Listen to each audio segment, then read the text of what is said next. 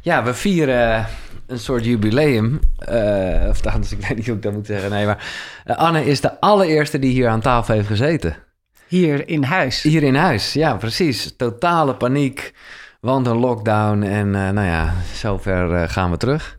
Ja, precies. Want toen was het nog zo dat ik uitgenodigd was in de In de Ademtoren. Waar ik Ademtoren. deed. Ja, ja, En ineens moesten we hier geïmproviseerd zitten. Ja. Nou, en wat ik, als we toch eventjes teruggaan naar toen. Ik, eh, had je toen ook al met Ray? Ja, Oh, wel. maar dat wist jij ik wist het niet echt, maar nee, wel volgens dat... mij was het een beetje... Het was nog een beetje onder de gordel. En, en, maar hij kende jou wel. of hij- misschien had hij wel jou getipt. Nou, dat weet ik niet meer. Maar, eh, maar goed, Het misschien... was nog niet heel duidelijk en openbaar. voor jullie zelf wel? Ik vond het zelf wel. Oh, voor jezelf al. maar dat weet je. nou meteen in de Nee. openheid te gooien, Nee, dat nee, was dat nog net niet. Eh, Ray is eh Kluun, voor de duidelijkheid. Jij eh, schrijft ergens van bestseller-auteur over overspel... tot getrouwd zijn met een relatiecoach. Zo kan het leven lopen. Ja, het is, het is wel echt fantastisch. Ja, zo kan het leven lopen. Zo kan het leven lopen, want we kennen Kluun allemaal. Nou, we, we kennen jou ook, de relatiecoach Anne de Jong. En jij ging natuurlijk, nou, omdat we sinds die tijd ook wel connected zijn gebleven en met webinars en dingen, ook wel vragen naar mijn liefdesleven. En ik zei alleen maar, oké, we wachten even tot de opname loopt. Precies. Dus ik ben heel benieuwd. Ja, Want het duurde even. het duurde, ja. Nou, kijk, wat het is en, en, en jij bent daar bikkelhard in. Maar ik dacht, ja, het maakt me eigenlijk helemaal niks meer uit. Maar jij omschrijft eigenlijk dat je in de, is het anderhalf jaar? In de eerste anderhalf jaar, 18 maanden. Ja, 18 maanden zelfs, kan je helemaal niet echt keuzes maken. Of zou je eigenlijk geen keuzes moeten Zoals maken? huizen kopen, wereldreizen maken. Ja, zou je eigenlijk niet moeten doen. Want je bent dan, ja, fantastisch, maar wel helemaal overrompeld door letterlijk allemaal stofjes en eh Ontoerekeningsvatbaar. ontoerekeningsvatbaar. Dat is wat je bent als je verliefd bent. Eh, ja, ik heb me daar eh, niet aan gehouden. Al had ik het geweten, dan had ik het nog steeds niet gedaan. Gelukkig maar waarschijnlijk. Ja, nee, heel erg gelukkig. Want dat is, is dan, vind ik toch leuk om gelijk aan het begin van dit, dit gesprek met jou te delen. Eh, ik word vader. ja.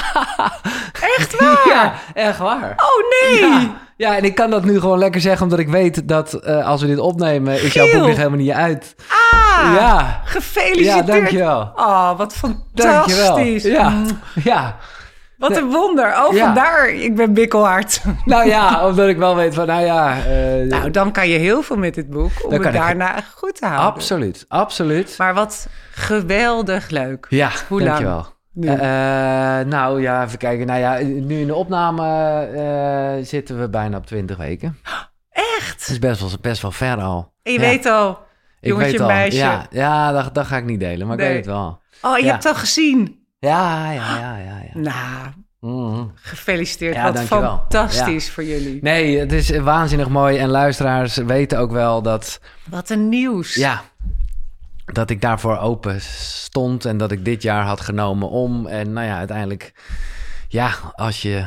En dat is lang niet altijd, realiseer ik me. Maar eh, ja, als je die poorten openzet, dan gebeurt het. En eh, Oh, ja, daar kwamen een we op reis achter. Ja, fantastisch. Maar daarom moet ik daarom, kijk, jij hebt in jouw boek, sorry schatje, eh, wat heel erg gaat over, nou ja, over hoe je een fijne relatie kan le- leven. Daar zit ook een test in. Maar ik voelde aan alles, even los van het feit dat we nog op de verliefde roze wolk zitten, is er ook denk ik zoiets als een roze wolk. Eh, Roze babywolk. een roze babywolk. Ja. Dus ja, toen wij de test gingen maken en we hebben hem echt kritisch gedaan en we kwamen, nou zeker over op het seksuele ding, daar zaten ongeveer de meest, maar dat was nog lang niet in het oranje of het rood. Dat bleef, eh, we zitten ver in het groen. Nou, dat is te gek. Dat is te gek. Eh, dat is de love map die jij gemaakt hebt. We komen er nog wel op terug. Ja. Eh, maar het is wel dat ik dacht, ja nee, ik kan hem nu even niet. ehm, Nou, en, maar goed, er komen waarschijnlijk zo op. ja, Nou ja, zeg maar. wat natuurlijk heel leuk is, is natuurlijk die 18 maanden staan voor ontoerekeningsvatbaarheid. Ja, Wij hadden het aan de telefoon of per, per app nog wel even over. Maar jullie hebben de tijd zo intensief geleefd. Dus ja. wat dat betreft kan Ja. je ook wel zeggen dat jullie elkaar echt hebben leren kennen, denk ik, op zo'n reis. Omdat Nou. jullie natuurlijk al maandenlang Ja, 24/7 bij elkaar zijn. Exact. Nou, dat is mooi dat je dat zegt en uh, gelijk En- goed inschat. Want dat is, dat is wel echt wat er gebeurd is. En op een gegeven moment wisten we dit nieuws. Wat ook fantastisch was. Want daardoor zaten we nog steeds in onze eigen bubbel. Urenlang te rijden in een bus. En het over allerlei dingen te hebben. Fantastisch. Ja. Uh, maar daarvoor hebben we ook nog wel echt een soort stap gemaakt. Zonder dat we dit wisten.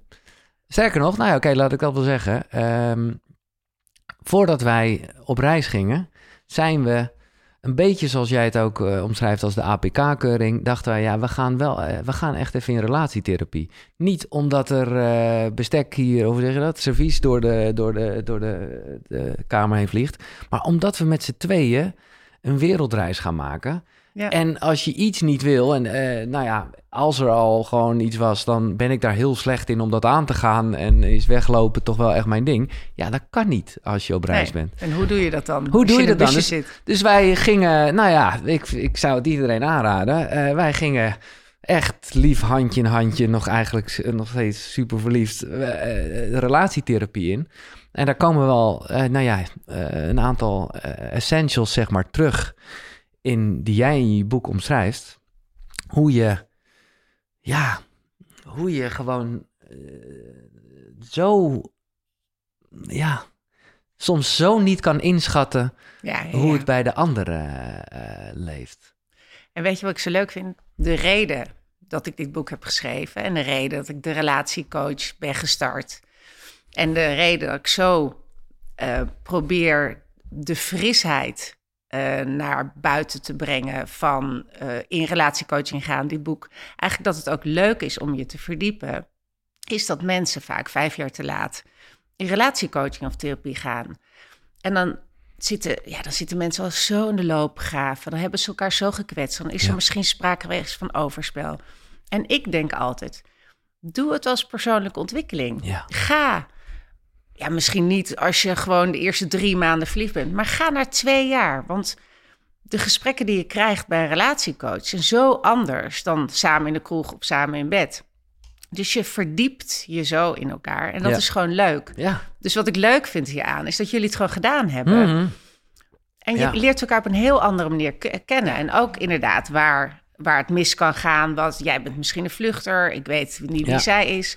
Dan En zei hoe je Dirk dat- Floor, Floor de, dat is, en dat heb ik ook echt moeten leren, die, die is niet bang om, eh, die is niet bang voor ruzie. Nou, En, en op een hele frisse manier, maar wel dat ik denk, wow, wow. Maar heel erg uitgaande van, en dat is dat vertrouwen dat ik nu veel meer voel van, ja, maar we weten toch dat wij het beste met elkaar voor hebben, dat we elkaar lief hebben. Dus dan kan ik toch heel kwaad iets zeggen.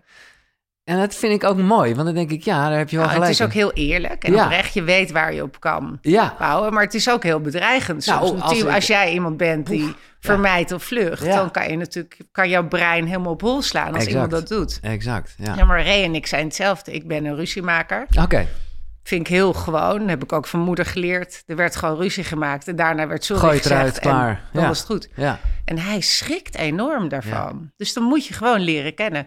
Maar in ieder geval vind ik het heel leuk dat je zo'n APK hebt gedaan. Gewoon. Ja. En dat het ook leuk is geweest. En ik zou willen dat veel meer mensen dat doen.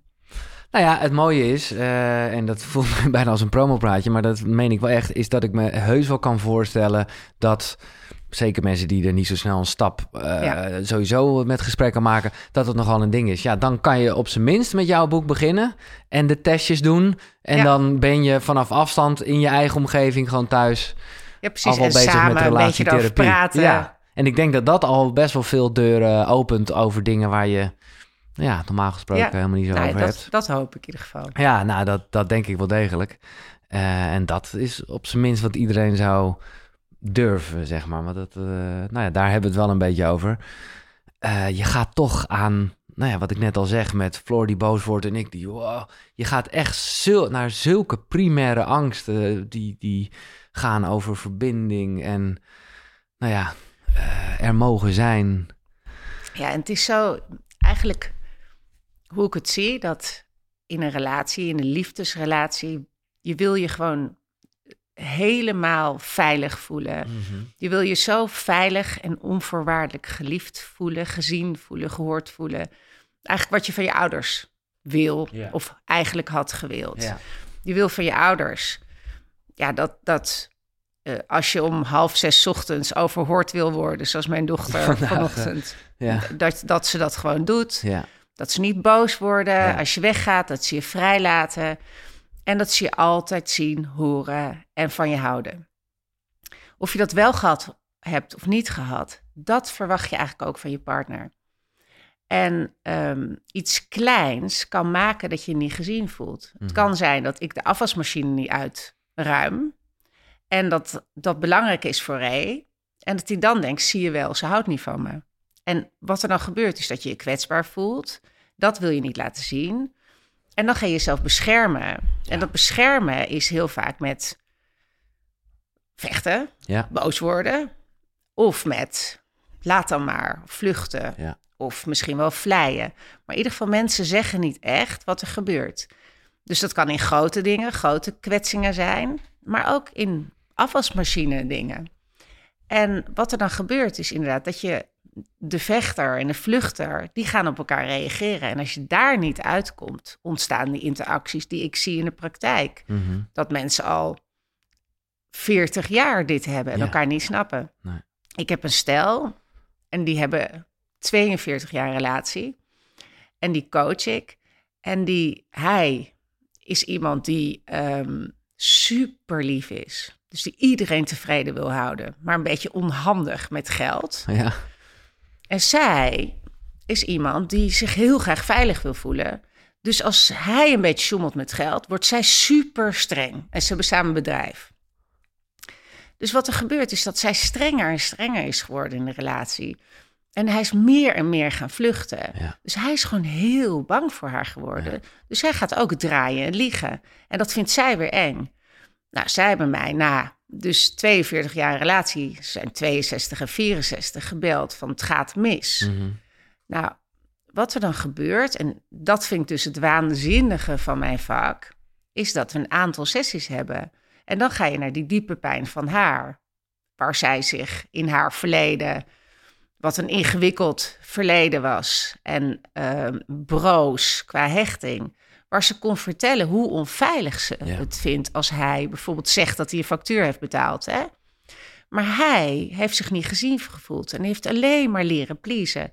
En hij kon dat, hij kon dat ook vertellen aan haar. Dus zij ziet nu niet meer die vervelende eh, man die bedriegt. Zij ziet eh, toch iemand die het heel lief bedoelt, maar het niet kan. En hij ziet niet meer die strenge juf, maar hij ziet dat ze hartstikke bang is. En die, toevallig komen ze vanmiddag afscheid nemen. Als in, Die, ze zijn nou, klaar ze met... zijn echt eh, klaar ja, ze willen nog één keer langskomen. Ja, wat leuk. Maar die, zijn, die hebben zoiets moois weer. Ze hebben weer dromen, ze zijn open oma geworden. En ze zeggen echt, we hebben elkaar 42 jaar niet begrepen. Nou, dat kan er gebeuren als je niet ingrijpt. Ja. En dat vind ik zo mooi aan mijn vak. Maar ook aan dit boek probeer ik gewoon dat, dat er altijd iets onder zit. Ja, maar dat is... Kijk, er zijn momenten als iets echt niet van jou is en bij jou geen trigger raakt, nou, dan kan ik heerlijk de man zijn en ach schatje. Ik- Tuurlijk. en dan is het dan is het dat is top, Nee. weet je wel, dat is heerlijk. En dat is echt, nou ja, een soort klassieke relatie. Je steunt elkaar. Best, En eh, dan snap je bijna niet dat je ook een reflex kan hebben. Nee, omdat, maar dat is, dus, dat is dus het gevaar. Hoe je dan bijna, nou ja, ik zou wel zeggen vanuit liefde uit verbinding gaat. Of nou ja, dat is, het is in ieder geval goed bedoeld, laat ik het zo zeggen. Eh, en, en Want dan er- kan je er naar kijken gewoon. ja, maar dat er gewoon wel dingen soms haaks op elkaar gaan staan. En dan, dan wordt, het, wordt het dus tricky, want dan bedoelt iemand iets Ja. heel anders. Dat doet hij of zij eh, vanuit nou ja, het trauma. Jij noemt, ik vind wel leuk dat jij trauma, heb je blauwe plekken van gemaakt. Waardoor het allemaal veel minder ja, Zwaar, zwaar lijkt. voelt. Maar blauwe plekken zijn nog steeds, ja, je gaat er niet op eh, drukken. Ja. Dus je, je neemt wel afstand. Maar dat, en dat heb ik ook heel erg met Floor wel gehad. Dat zij dus gewoon iets zei. En eh, nou ja, dat was gewoon wat ik al zei voor haar. Van dan gewoon even clean van. eh, nou, eh. en dat ik echt juist een beetje een soort verongelijkt was van. Maar hoe kan je überhaupt denken En dat ik ik, dat... bedoel het toch Ja, goed? ik, En- ja. En dan, nou ja, dat, dat- terwijl nu, en ik bedoel, eh, ik mag hopen dat er echt wel weer een tijd komt dat, dat er wel even ongemakkelijkheden zijn. Eh, dat is namelijk ook gewoon het leven. En dat kan niet anders. Dat kan niet anders. Maar ik vind het wel ja, fijn als je met bepaalde tools en gewoon gesprekken leert van oké, eh, nou ja, dit roept het in mij naar boven, maar dat is zeker niet haar bedoeling geweest. Dat is gewoon, bij haar is er weer iets anders aan de hand. Ja, en wat zo mooi is, en kennelijk kunnen jullie dat, is Nou. dat je gewoon, of Nou ja, sorry, ga door. ik ga, Ja, maar misschien moet je zo. Wat zo mooi is, is dat je kan, eh, dat je de skill hebt om uit te leggen wat er in je hoofd en je hart gebeurt, Mhm. zonder te verdedigen of zonder de Ja. tegenaanval. Want wat er gebeurt, jij, als je op een blauwe plek stuit, van niet gezien voelen, afgewezen voelen, als je op pijn stuit, dan denkt jouw brein, nou ja, doet je brein, eh, die gaat meteen in aanval. Die Ja. denkt, hé, hey, jij bent de vijand. Ja. En die kan helemaal niet meer horen. Die kan Nee. helemaal niet zien, dat is van jou, dit is van mij. Dus dat is wat er gebeurt.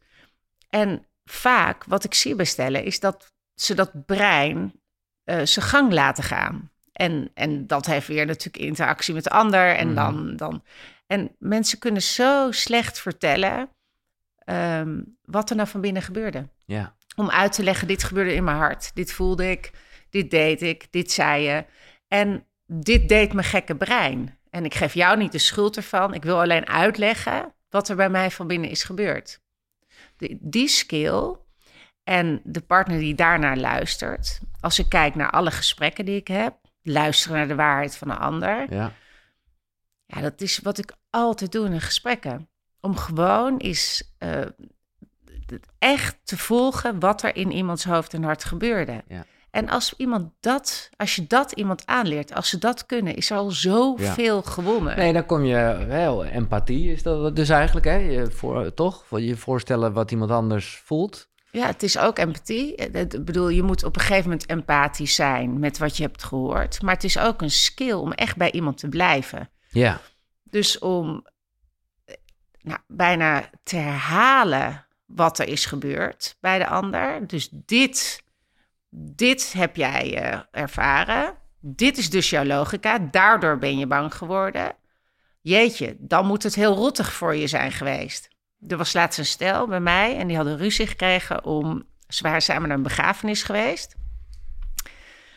En ehm, zij was boos geweest, je hebt me in de steek gelaten. En hij zei: Ja, maar jij liep naast Marie. En ik liep naast. Hoezo heb ik je in de steek gelaten? Jij liep naast Marie. En toen liet ik hem naar haar luisteren. En toen vertelde ze gewoon: Ja, we kwamen binnen en eh, ik zag Jan naar je kijken. Marie kwam er naartoe. Ik wilde, heel, ik wilde heel graag bij jou zijn. Toen werd ik bang dat ik afgewezen werd. En ik bedoel, het hoeft niet waar te zijn wat ze zegt. Maar als je iemands logica kan volgen en vervolgens heb je empathie, dan zeg je, jeetje, dat lijkt me heel rottig. Ja. Mag ik ook eens vertellen wat er bij mij gebeurde? Nou ja, dit vind ik echt bijvoorbeeld een hele mooie... Ik, heb, ik doe deze bijvoorbeeld ook. Ik heb een, een moeder en een zoon in coaching. En die zoon is heel erg boos geweest met kerst. En die heeft, nou ja, allemaal nare dingen gezegd. En die moeder is heel erg beledigd. En het contact was tijdelijk stopgezet. En ook met moeder en zoon is dit gewoon wat ze moeten doen. Mhm. Dit gebeurde er bij jou. Ja. Dit is een oud trauma. En dit is bij mij gebeurd. Om gewoon eens te horen wat er in het hoofd en het hart. En mensen kunnen het niet. nee. Maar ik kan me wel voorstellen, eh, maar dat weet ik nog helemaal niet. Dat is iets wat ik het komende jaar ga ervaren. Maar dat die, die onvoorwaardelijkheid, die jij eerder al benoemde, dat die van ouder tot kind en van kind tot ouder, dat die, ja, wat, eh, hoe zeg je dat? Ja, die is gewoon wat logischer, of, dat, dat, is- of niet? Dat, die, die, die, die, die, tussen twee mensen, nou ja, weten we ook allemaal. Nou, dan kan je ervoor kiezen om die relatie te stoppen. En soms Ja. is dat het beste. Dat is in het geval van een familie. Ja, ja je, kan het, je kan het wel stoppen, maar die relatie is nog steeds. Nee, en een kind, zeker de eerste jaren, Neemt dat ook gewoon. lekker. houdt natuurlijk Ja, onvoorwaardelijk van jou. Dus man. het is ook heel makkelijk Ja. om natuurlijk van Ja, een kind nou te houden. Want Ja, die liefde is er. ja. Als kinderen op een gegeven moment in puberteit komen, gaat er natuurlijk weer wat anders spelen. even- ja, god man. Maar, ehm, maar het, eh, het onvoorwaardelijk van de kind. Maar op een gegeven moment, er komt een kind bij jullie, hè? ja, Tussen jullie. Dus jullie aandacht, die nu helemaal op elkaar gericht Mhm. is, gaan jullie samen, gaan jullie een, een, een meisje of jongetje grootbrengen. Ja, jij zegt- en dat is ook weer een Verandert wel wat aan de hele dat dynamiek. verandert Ja, natuurlijk tuurlijk. heel veel aan de dynamiek. Want je gaat ook slaaptekort krijgen. Je gaat anders kijken naar dingen. Dus het vergt weer een hele andere skill. Wat natuurlijk een roze wolk is.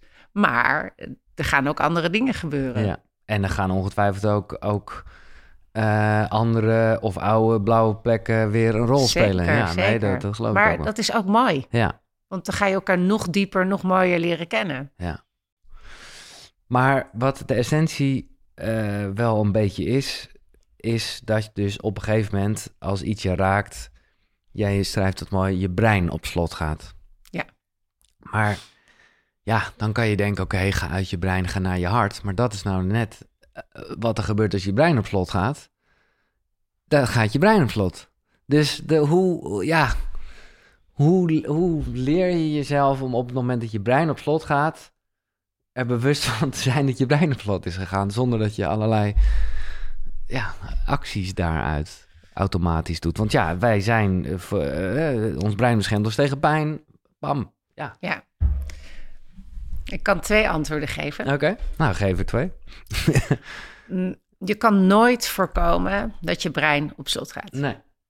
Dus ehm, dat kan je niet voorkomen. Nee. Dat is je reflex. Je kan wel voorkomen om erin te blijven hangen. Om het, be- het brein goedkeuring te geven. Om vervolgens het brein te geloven in de verhalen die die vertelt. Want het brein zoekt dan ook voorbeelden van wat je nu ziet. Mhm. Het brein gaat bijvoorbeeld. ehm, ik kan, bijvoorbeeld bij Ray. Die, is, ehm, die kan heel goed voor zichzelf. Nou, die weet heel goed wat hij wil. Die eh, eh, initieert heel veel. Die vindt dingen leuk. Die regelt heel veel. En dat vind ik superleuk. Maar als mijn brein op slot is, dan vind ik het ineens dat hij alles bepaalt. En extreem. Weet je, dan ga ik er gewoon heel anders naar kijken. Ja.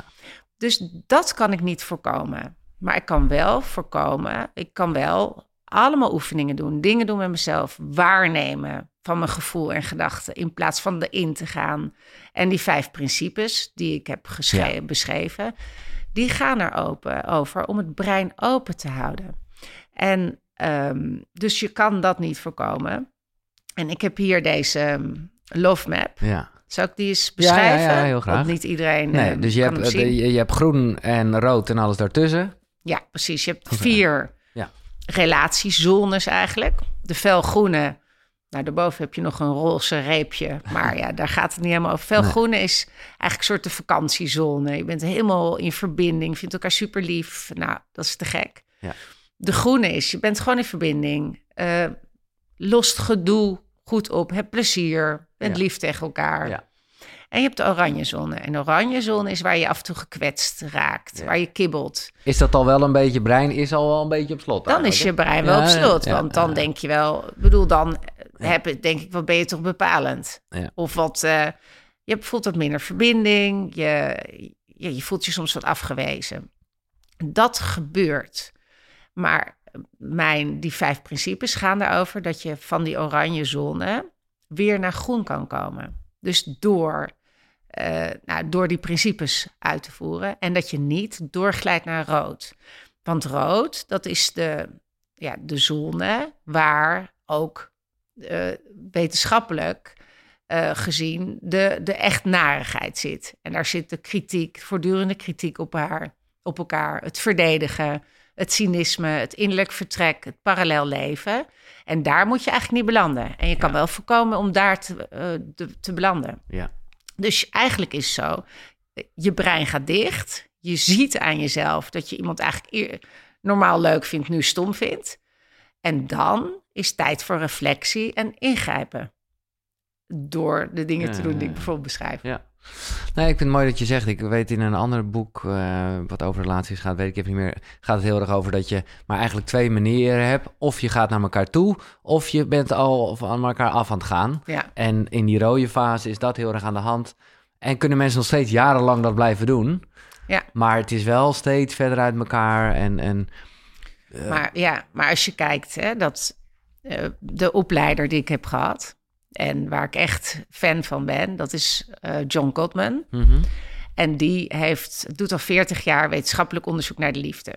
En die kan met 94% zekerheid voorspellen of je een master of een disaster bent in de liefde. Oké.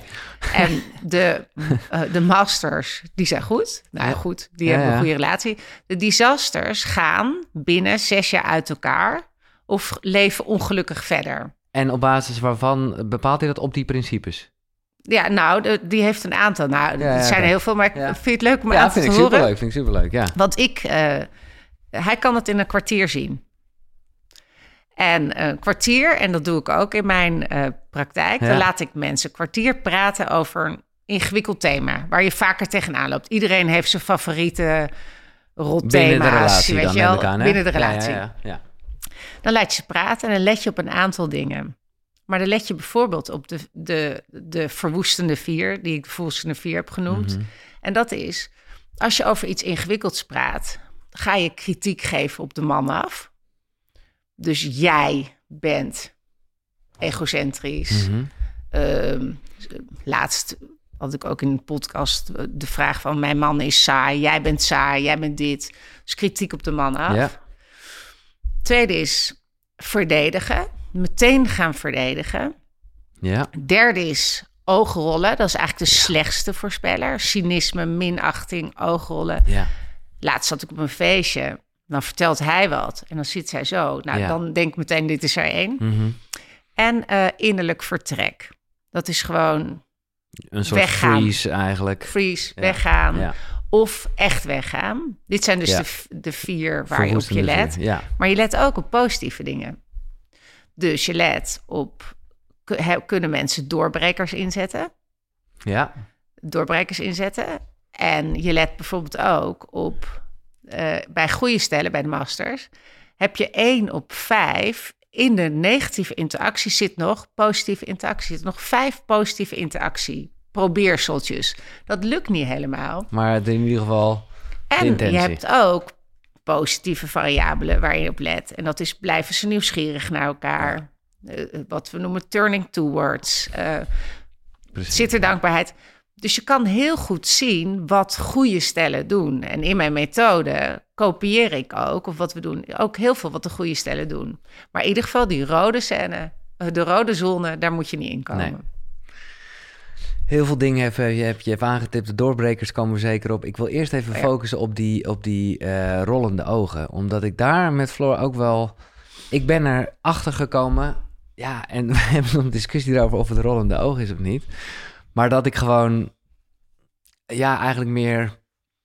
Ja, eh, ja ik, zou, dus, ik vind het dus geen rollende ogen. Maar het is wel daadwerkelijk met mijn ogen iets van... Ja, ja, Dit doe je. ja. Eh, wat En jij noemt het verbazing. nou ja, ja, een beetje wel. En, ik, en, en voor mij is het heel en wanneer duidelijk. gebeurt dat dan? Nou ja, het, het gaat heel erg. Dat gaat veel meer over mezelf. Want ja, eh, weet ik ook niet. Ja. eh, maar goed, op het moment dat je in een. Dat is al, als ik het echt alleen maar met mezelf doe. eh, ja, dan maakt het niet uit, zou ik zeggen. Maar op het moment dat jij en ik in een gesprek zitten en ik dat doe. Ja, ben ik nu wel achter dat dat dus wel als rollende ogen, als een Ja. soort afstand eh, Ja. nemen kan Ja, worden. je zet er eigenlijk iets voor dan, hè? Ja, Je zet iets tussen jullie. ja, terwijl ik dan echt, ja, maar ik, dat, heeft, dat bedoel ik echt niet ten opzichte van jou. Ja, Wat is, wat is je Ik- vraag? nou, is dat ik- een rollend oog? ik, nou ja, ik wil hem, ja, en ik, ik, ik ben er echt wel meer van bewust. Maar het is, zit wel, eh, ja, ik doe het vaker dan ik wil. En ik zou, ik, ik zou twee dingen denken. Is dat een, een rollend oog, hè?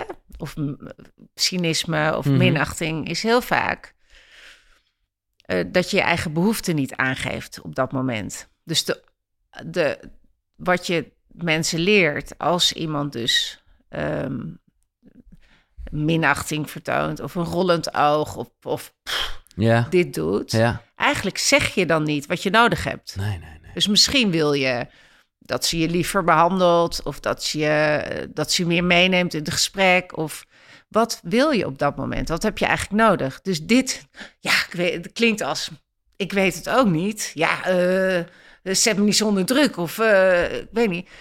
dus daar is wel de, de antidoot, is wel zeggen wat je nu nodig hebt. Mhm. In plaats van wat er dan gebeurt. Wat denk je nu? Nou, maar doe je tweede ding. Nou, ik denk Nou, heel erg van, dit is essentieel waar het over gaat wat mij betreft. En daarom, eh, omdat je dus inderdaad dan letterlijk uit verbinding gaat met jezelf. Ja. Omdat je het zelf even niet weet. Ja, en je zegt niet, ik, ik merk dat ik, ik weet niet schrik, dat ik het niet weet. Ja. Geef me even tijd. Ja. Eh, wat bedoel je precies? Dus je blijft niet in contact. Nee. Je gaat eruit en je doet niet meer wat je nodig hebt. Maar deze beweging zou in mijn observatie ook nog dat innerlijk vertrek kunnen zijn. Dus ehm, overigens, er zijn weinig man-vrouw verschillen. Hè? Dat Mars en Venus, dat is Ja, ook ja. allemaal. eh, maar eh, één man-vrouw verschil is dus wel, is dat innerlijk vertrek, zijn stonewalling, zijn 80% mannen Oké. wat biologisch verklaard wordt. Want mannen die krijgen hun bloeddruk niet zo snel meer naar beneden. Hè? Vrouwen kunnen ruzie maken en daarna weer voeden. Hm. Dus die maken gewoon ruzie en dan kunnen ze weer een baby voeden. Dus die moeten zichzelf tot rust bijna kunnen een soort technisch iets dit wat waar En we... mannen, die blijven in die... Nou ja, dat is de verklaring. Die blijven natuurlijk in jachtstand. Ja. Dus die blijven boos. Dus die kunnen, als ze aangevallen worden, die kunnen zichzelf niet meer reguleren.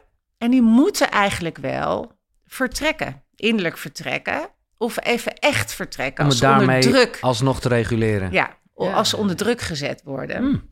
Dus wat er ook, stel dat het dat is, dat je eigenlijk zo overweldigd raakt, dan zou, is het idee wel dat je even voor jezelf moet zorgen. Mhm. Dus even naar buiten moet gaan, eh, even weg moet gaan en zeggen wanneer je terugkomt.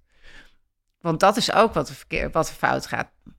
Ik zeg Ja. even mannen, maar vrouwen Nee, doen maar... natuurlijk ook. eh, Mannen gaan dan weg.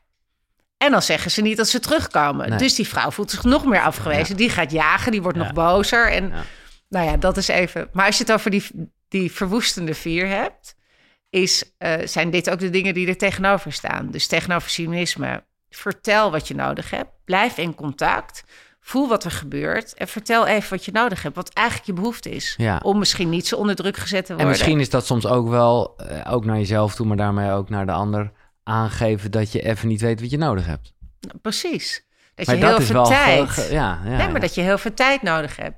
Of dat je heel even moet nadenken.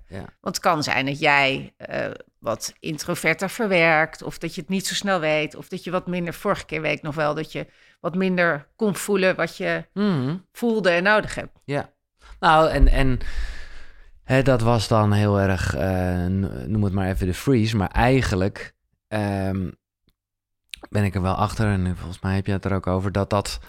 eh, daarna komt er alsnog een vlucht of een vecht. Of, Ja. of het of is maar net even hoe je het bekijkt. Maar eh, het is altijd toch een van die twee. En die freeze is meer even een soort Ja. tijdelijk... En wat ik wel altijd denk... hoe meer je jezelf kent... eh, hoe beter je jezelf kent... Hoe, hoe beter je ook weet wat je reflexen zijn. Zeg maar, mijn reflex is altijd... oh, nou dan niet. Ja. Ik word gewoon een soort koud. Maar ik ken het zo goed van mezelf. Ja, ja, ja. Dus ik, behalve als het erg is, kan ik ook zeggen: het gebeurt weer. Of weet je, oh, ik moet heel even, ik, ik, ik, ga, weer, ik ga er weer in. En dat kan ook niet altijd. Nee. Dus soms gebeurt het. En dan doe je een uur later. Ik bedoel, het is een illusie om meteen te reageren. Nee, natuurlijk, maar- maar, om te weten, als Ja. je dit doet van eh, Mhm. wat Floor oogrollen noemt... en wat we niet helemaal weten wat het is... Nee. Hoe, snel, hoe beter je hem kent, hoe sneller je Ja. kan voelen... oh, ik doe het. Ja, En ook hoe Floor, dat Floor kan zeggen: Ja. hé, hey, je doet het. Wat gebeurt er dan nu? Ja. In plaats van dat zij zich afgewezen Ja, voelt. ja, maar goed, dat is dus weer... Ja, dat is het is weer. logischer, eh, logisch dat... eh, Maar hoe beter je elkaar kent, Ja. Hoe sneller je dit samen kan doen. En, hoe sneller je erom kan lachen. Ja, dat, is- ja, ja. Ja. ja. Nou, ehm, wat ik ook wel grappig vind, dan gaan we straks over die doorbrekers, want ik denk dat mensen dat allemaal wel willen weten. En ik moet eigenlijk de vijf principes nog even noemen, want Ja. dat zeg jij even, maar dat is een essentie van je boek. Maar ik, eh, eerst even een klein ander dingetje wat je nu in me triggert, wat ik heel tof vond om te horen, is een ja, soort tegenreactie die, waarbij je denkt dat iemand dus heel lief blijft en, en erin meegaat. En jij noemt het al ergens in een voorbeeld. de maakt mij niet uit houding. En dat, die is heftig. Want die is... En wat herken je daar? Ja, dat is het ook eigenlijk. nou, dat, dat je ook jezelf dat zo kan wijsmaken namelijk. Ja. Dus als het een houding was, dan weet je zelf heel goed dat, Ja, dat je hem aanneemt. dat je hem aanneemt. En dan, dan oké, maar ik kan mezelf dat ook echt wijsmaken. Ja. Dat het me niet uitmaakt. En dan, uh, uh, en dan kom je... En zo- weer dat en gevaar. dan weer dat gebaar, dan komt er weer... Nee, misschien komt er dan inderdaad ook wel een stukje cynisme of weet ik veel wat. eh, maar dat is... Dat is zo eh, vanuit de angst eh, ja, voor die verbinding. En, en mijn vraag is altijd, wanneer heb je dat geleerd? Nou, Dus wanneer eh, deed je dit voor het eerst? Ik denk dat ik eh, eh, letterlijk niks, eh, het niet anders ken. Ja. Dus dit heb je heel, hier ben je heel gevorderd in Ja, geworden. daar ben ik echt goed in. Dus deze bescherming ken Ja. je gewoon heel goed. Ja, ja. Dus je kent het minder goed om te weten, eh, om eerder in te grijpen, om te weten wat je voelt. En eh, dus deze houding, dan, die is heel comfortabel. Maar jij weet hem nu, je kent hem nu, je weet dat je herkent hem nu. Denk ik. Zeker, nou, Ja, maar soms ook wel na afloop. eh, maar goed, Ja. dan, het is alsnog eerder dan er eh, uren in blijven hangen. Nee, precies na afloop. En dan kan je weer naar elkaar toe om samen te ontdekken wat gebeurde nou precies. Wanneer Ja. gebeurde het? Wanneer gebeurde nou iets tussen ons wat niet helemaal goed voelde? En, ehm, en dat vind ik dus heel mooi aan liefdesrelaties. Er zijn ook mensen die ehm, ja, pleiten om dingen om eerst zelf te helen, Mhm. bij wijze van spreken, om eerst zelf beter te worden of Ja, of een berg te gaan zitten. Om, eh, ja, en ik pleit wel heel erg om het samen te doen. tuurlijk. Want de ja, alleen samen kom je op deze blauwe plekken. Ja. Want alleen kom je er niet. Nee. Het is zo ingewikkeld Ja. en zo mooi, de Ja. liefde. En zo broos en zo gevoelig.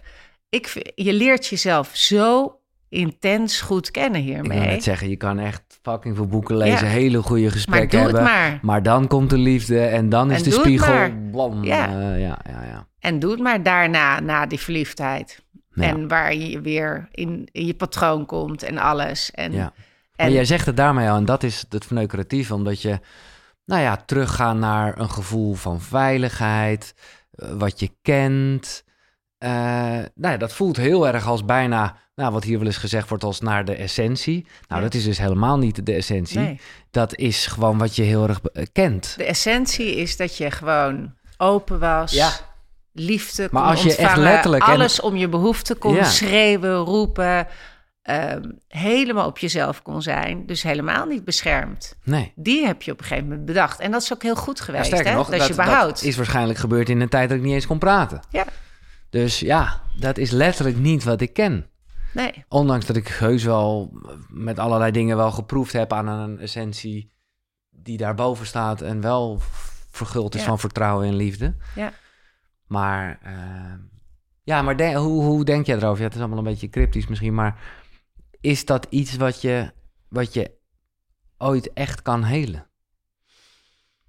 Als het, als het je zo, eh, als je er zo bekend mee bent. En natuurlijk kan je er bewuster van zijn en de periode verlengen. En, hè. Maar de kans dat als je brein op slot gaat in een soort acute, nou ik weet niet of het Pavlov is, maar gewoon Nou een ja. primaire reactie. Nou ja, ik geloof, er zijn eh, mensen die veiliger gehecht zijn en minder veilig gehecht. Er zijn mensen die beter hebben geleerd te voelen en, eh, geliefd, eh, en, gelie- en zich geliefd te voelen dan anderen. Mhm. Dus het is zo dat de een wat sneller, ik noem, in de oranje zone komt dan de ander. Hè? Ik bedoel, dat blijft een feit. En de een is wat meer gewapend dan de ander. Ik ben ook gewapend met, ik doe het zelf wel. Dus echt hechten of echt overgeven, dat, dat is iets wat ik lastig vind. Want dan, wie ben ik dan nog, hè? Mhm.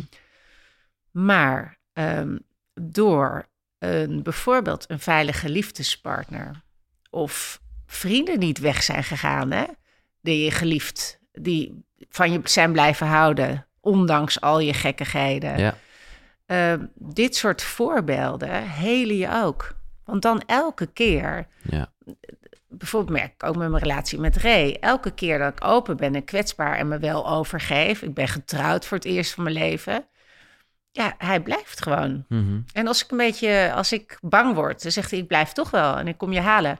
En dat maakt dat je steeds, ja, meer heelt. Mhm. En dat neemt niet weg dat het niet af en toe terug kan komen. Of dat ik niet wat gevoeliger. Of jij zou altijd je gevoel misschien een beetje wegstoppen. Of dat is gewoon je, je veilige zone. Maar hoe meer jij merkt dat bijvoorbeeld nu Floor Ja. niet weggaat. Hoe meer je mag zeggen wat je voelt en ze wordt niet boos. Hoe meer je het ook gaat geloven. Ja. Dus kan het helen. Ja, zeker. En dat zie je ook. Dat, nou, als je het hebt over bindingsangst, verlatingsangst, is eigenlijk de remedie. Zoek een veilige partner. Ja. Zoek iemand die niet weggaat. Ja. En eh, heb nieuwe ervaringen. Dus, dus ja, ik geloof dat het kan. Mhm. En ik geloof dat het niet makkelijk is. Nee. En ik geloof niet dat je ooit vanaf komt. En dat maakt je ook leuk. Ja. En dat maakt je ook niet saai. En Ja. dat maakt je ook een mens. Ja. Dus zo kijk ik Nee, dat is ook gewoon het spel van de, de liefde. Ja, zeker. Maar dan, als ik dan een beetje op jou zoom... met eh, wat je zo mooi eh, wist omschrijven... de bestseller-auteur over overspel.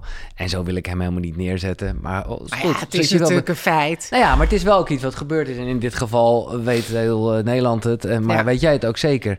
Is dat dan toch ook niet iets... Hè? Op een gegeven moment heb jij het over overspel.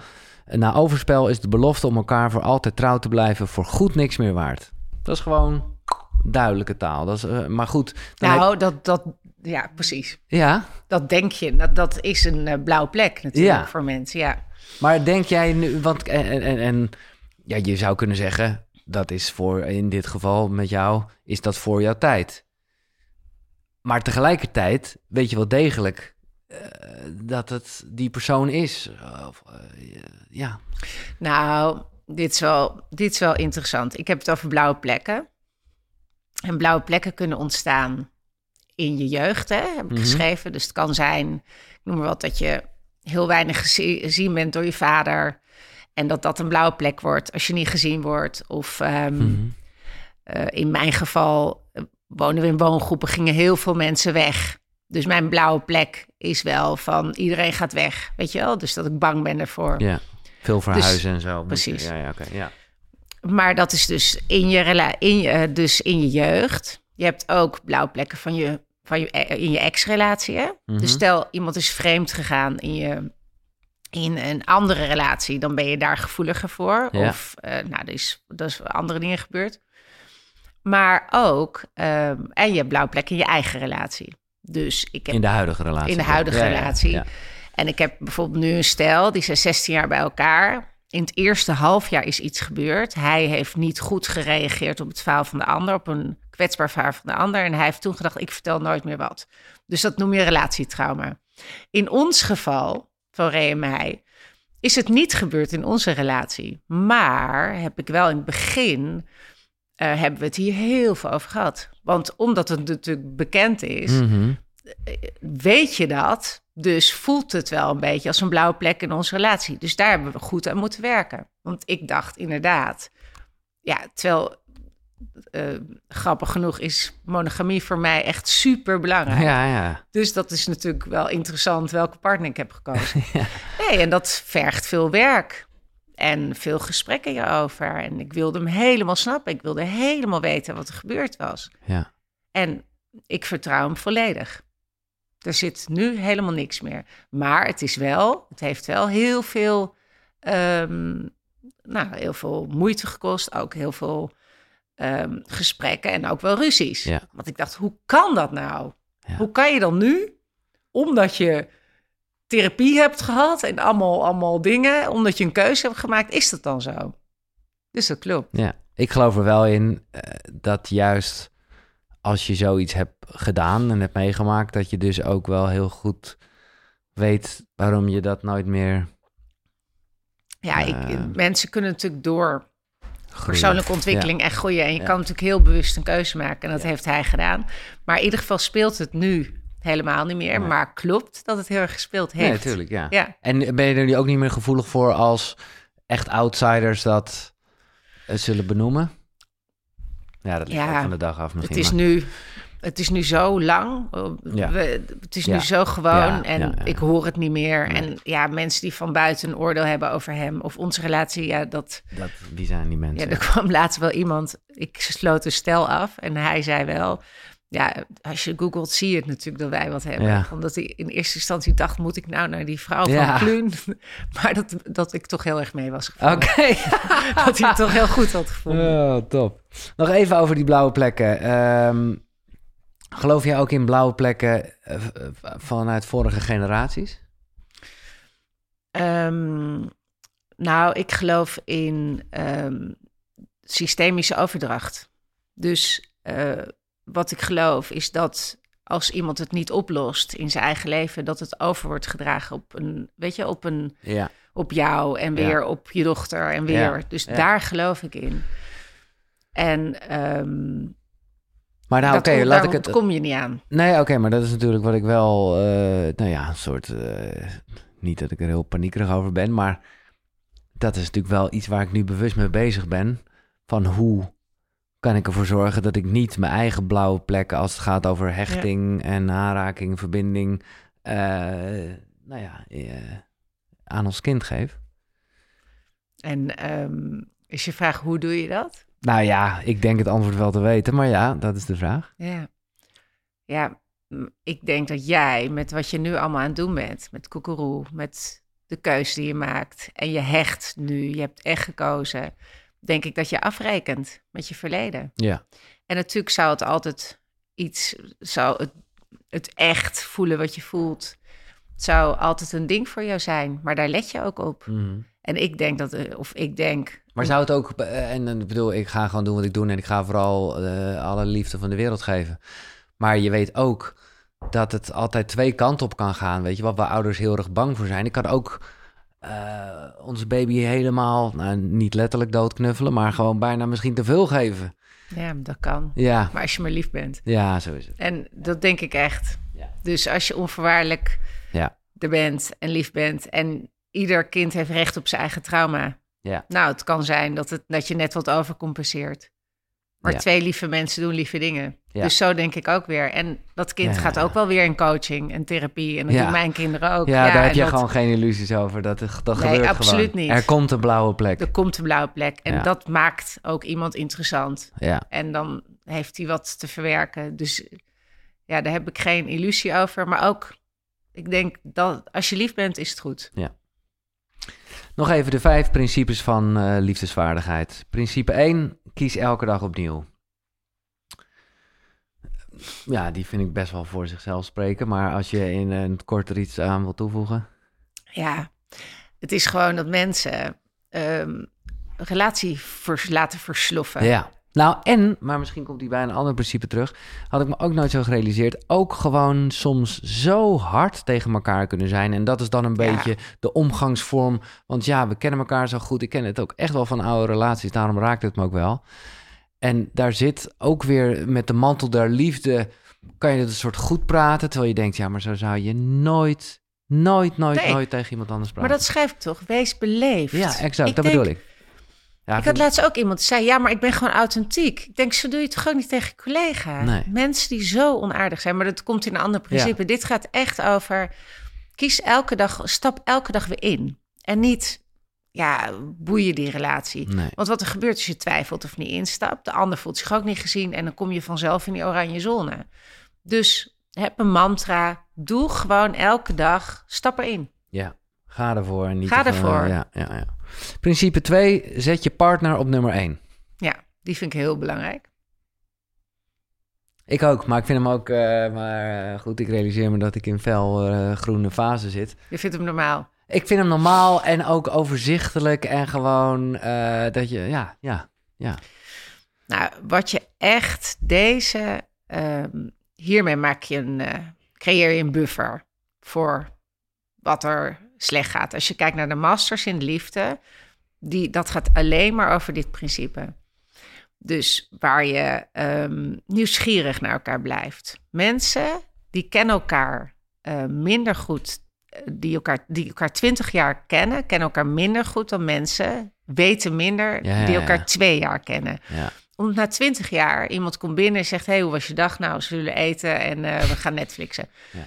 En je gaat niet meer zeggen... nou, wat, is, wat was op werk? Wat was nou het boeiendste project? Met wie heb je nou een leuk gesprek gehad? Ja. Je gaat niet meer zoals jij en Floor Ja. in elkaar gaan. Ja. Dat doe je niet meer. Ik moet zeggen, Floor is er ook heel goed in. En ik vind dat, dat een beetje overgenomen. Ook kan altijd leuk zijn. Heel erg van, stel je voor. Weet je wel, gewoon hele random keuzes...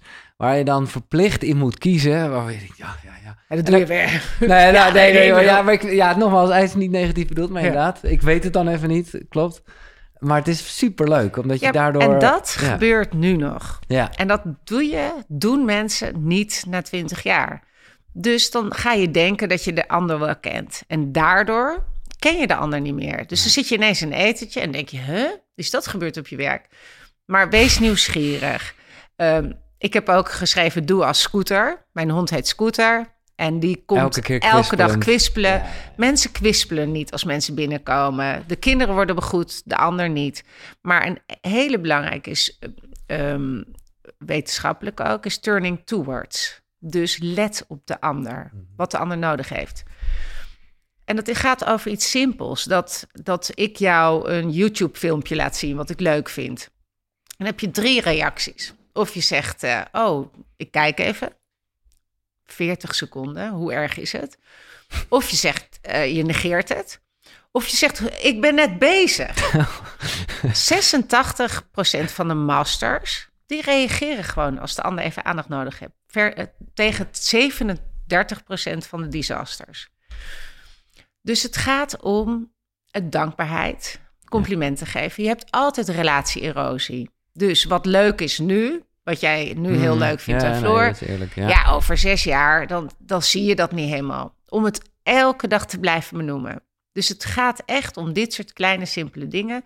En in de praktijk gebeurt het niet meer. Nee. Ik vind het kwispelen een hele mooie. Ik heb destijds een soort scheiding bij mijn ouders veroorzaakt. Ehm, en dat ben ik blij mee, want daarna kwamen ze weer bij elkaar. Maar ze gingen, ik bedoel, een tijdelijke Heb jij scheiding. dat gedaan? Ja. Veroorzaakt? Ja, eigenlijk wel. En dat was ook een beetje recalcitrant gedrag mijnerzijds. Ik was dus de jongste. Ik was als enige nog thuis.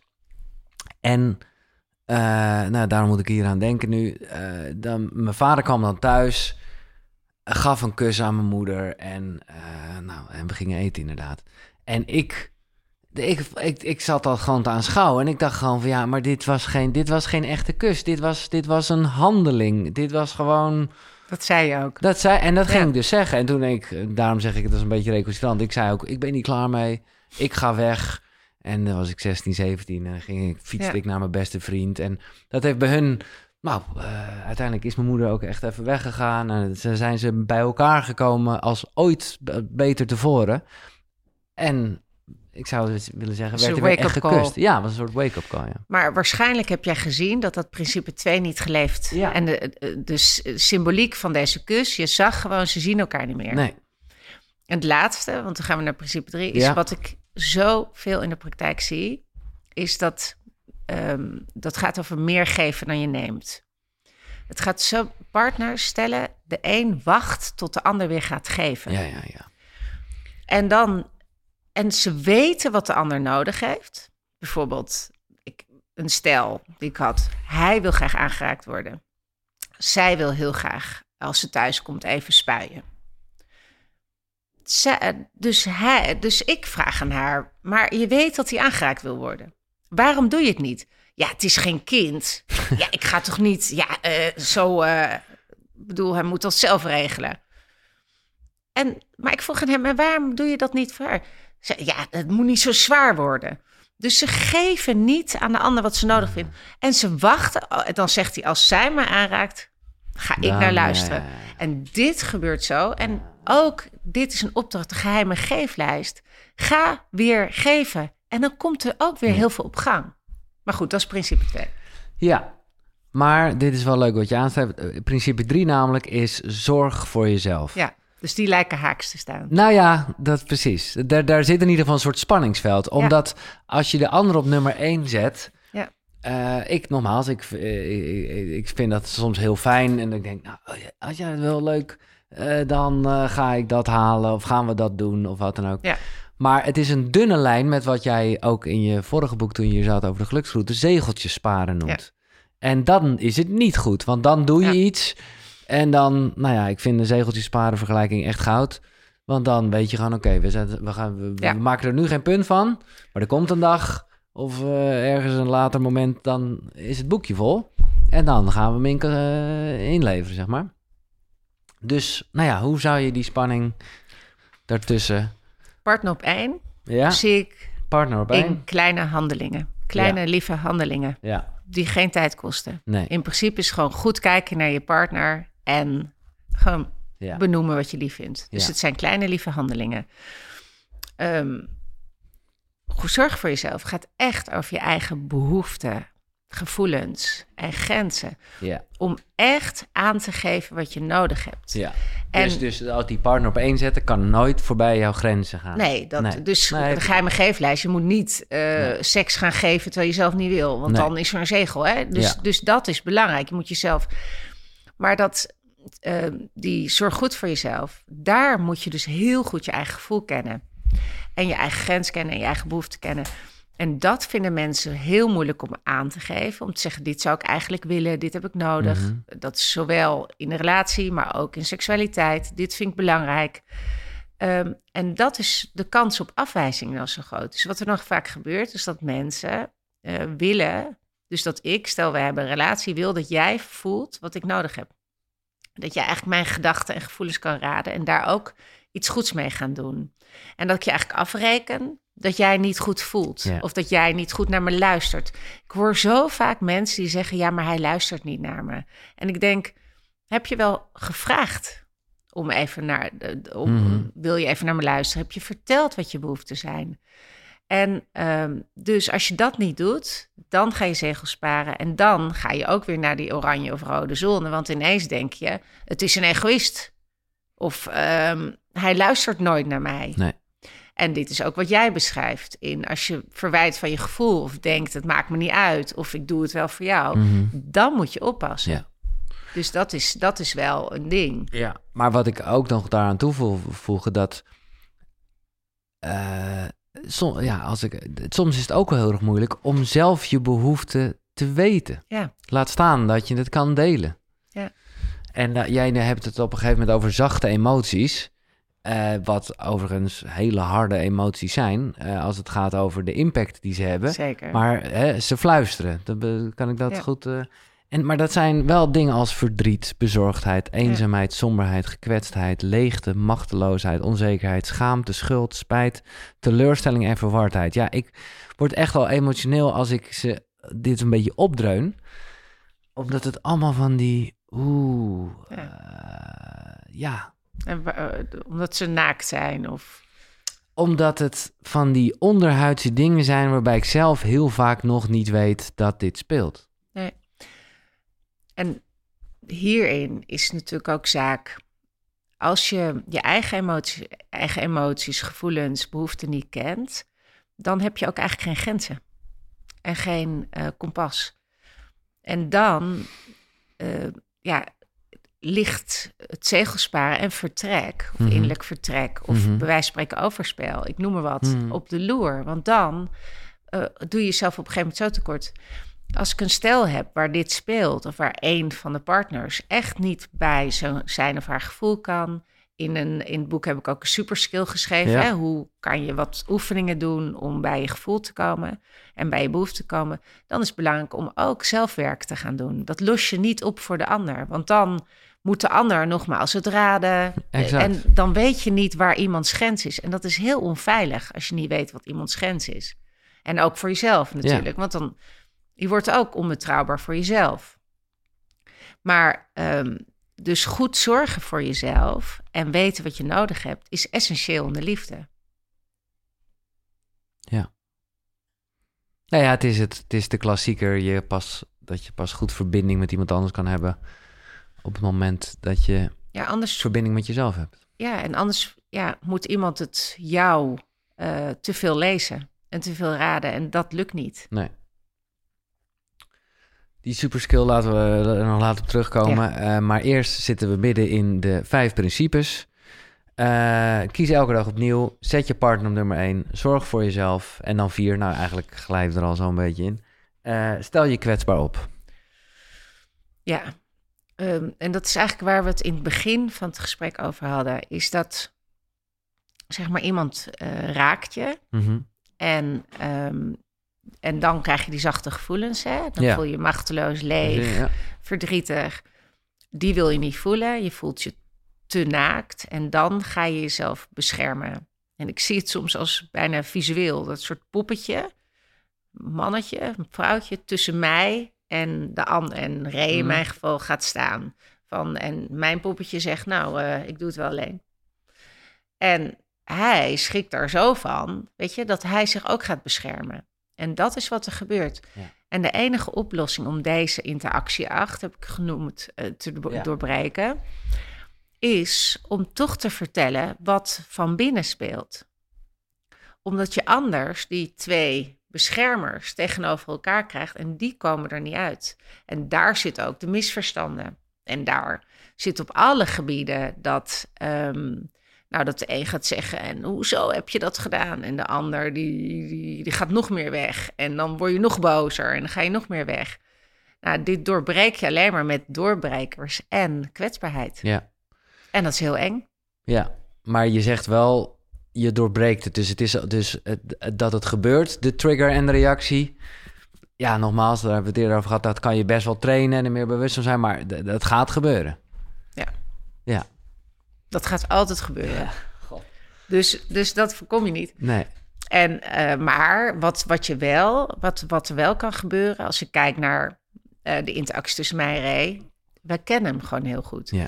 Dus het is alsof je er iets minder ingaat, alsof je er iets, alsof je daar ligt. Alsof je er iets meer naar kan kijken.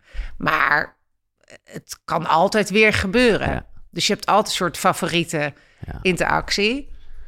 En ehm, Ja, ja eh, sorry, ja. ja, en dat ge- blijft gebeuren. Maar Ja. je kan er wel sneller Ja. uitkomen, Ja, sneller plus- en dat. Exact, want als je ermee bezig bent en of dat nou, eh, nou ja, door jouw boek is of eh, echt in relatietherapie zou ik willen zeggen, het kan niet anders dan dat je bij dat volgende momentje toch even denkt aan, oh, we hebben het hier over gehad. Ja, en wat ik heel leuk vind, ehm, je denkt steeds dat het unieke interacties zijn.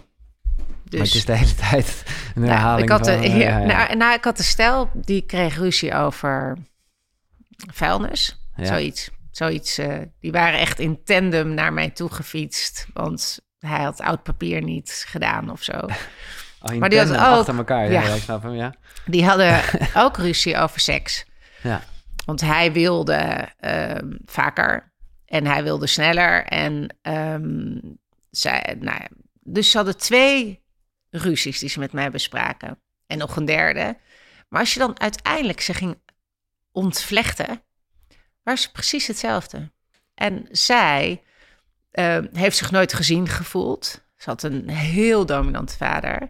En hij zag haar niet en deed niks voor haar. Dus het oud papier was precies hetzelfde als het geen voorspel. Ja. En het leuke is, als je dat gaat zien, heb je niet tien verschillende ruzies, maar heb je eigenlijk één ruzie. En dan kan je daar bij wijze van spreken een metafoor voor bedenken, of een grapje, of weet je wel, een eh, diffusie, hoe noem je dat? Ja, dan kan je ervan diffuseren. Ja. Van, Ja. Dus je moet kijken van wat is nou het patroon met vuilnis, met opvoeding, met seks. En dat kan je dan sneller pakken. Principe 5 is Ja. eh, accepteer of ga weg. Lijkt me ook logisch. Ja, nee, maar ze Maar- zijn allemaal logisch daarmee niet makkelijk. Maar Wat ik. Dus die eerste principes zijn ook gericht op dingen veranderen. hè? Dus leuker maken, liever doen, beter voor jezelf zorgen. Zorgen dat je als je in de oranje zone komt, weer naar boven gaat. Dus dat zijn allemaal principes die gericht zijn op veranderen. Er zijn dingen in de ander, tussen jullie, die niet zijn te veranderen. Karaktereigenschappen, maar ook waarden Mhm. bepaalde eh, andere waarden hebben. Eh, er zijn eh, dingen in de interactie niet veranderen zijn. Er zijn dingen die niet veranderen, die je niet kan veranderen. Ik had nu een vraag vanuit nou, iets waar ik aan meewerk. eh. en dat was een vrouw, haar man ziet andere vrouwen. Daar doet hij niks mee maar seksueel, maar daar gaat hij mee uit. Gaat Oh, hij naar ja, technofeesten en dan gaat hij leuke dingen doen. En dat heeft hij nodig. Zij zegt al tien jaar dat ze dat vervelend vindt. Hij zegt, ik word een leukere man. Ik ga dit niet veranderen. Ik wil dit gewoon. Ik word een leuke man. Ik doe niks met die vrouwen. Ja, sommige dingen zijn zoals ze zijn. Maar ja, hiermee akkoord gaan. Ik, wil, Ah, ja. ik moet even naar het toilet. Ik wil gewoon rustig. Nu ga je... Ja, nee, dat, dat... Ja, sorry Anne, dat was niet specifiek. want Ik moest al de hele tijd. Maar het was wel dat ik dacht, nou nu hou ik het echt niet meer. Omdat ik wel ook voel Ja, maar- van... Ja, maar daar, dat gaat toch ook voorbij haar grenzen misschien wel? Nou, misschien wel. Dat maakt mij niet uit. Nee, nee. Waar het om gaat... Iedere relatie heeft zijn eigen dingen. Tuurlijk, ja. Dus het maakt me niet uit. Waar het om gaat, is dat ze niet geen regie pakt. Dus dat ze blijft Ja, ja. vinden dat hij moet veranderen. Ja. Hij zegt van niet. Nee. Nee, en dan denk ik, dus de tweede stap, probeer altijd, kan je het veranderen? Nee, dan kan je het accepteren. En ik heb ook een aantal acceptatieoefeningen om echt, echt tot het bot te accepteren, zonder te blijven zeuren, zonder te ro- roddelen, zonder elke keer weer erover te praten. Als iemand zegt, dit is wat het is, dan kan je dat nog proberen. Ja. En anders, inderdaad, ga weg. Ja.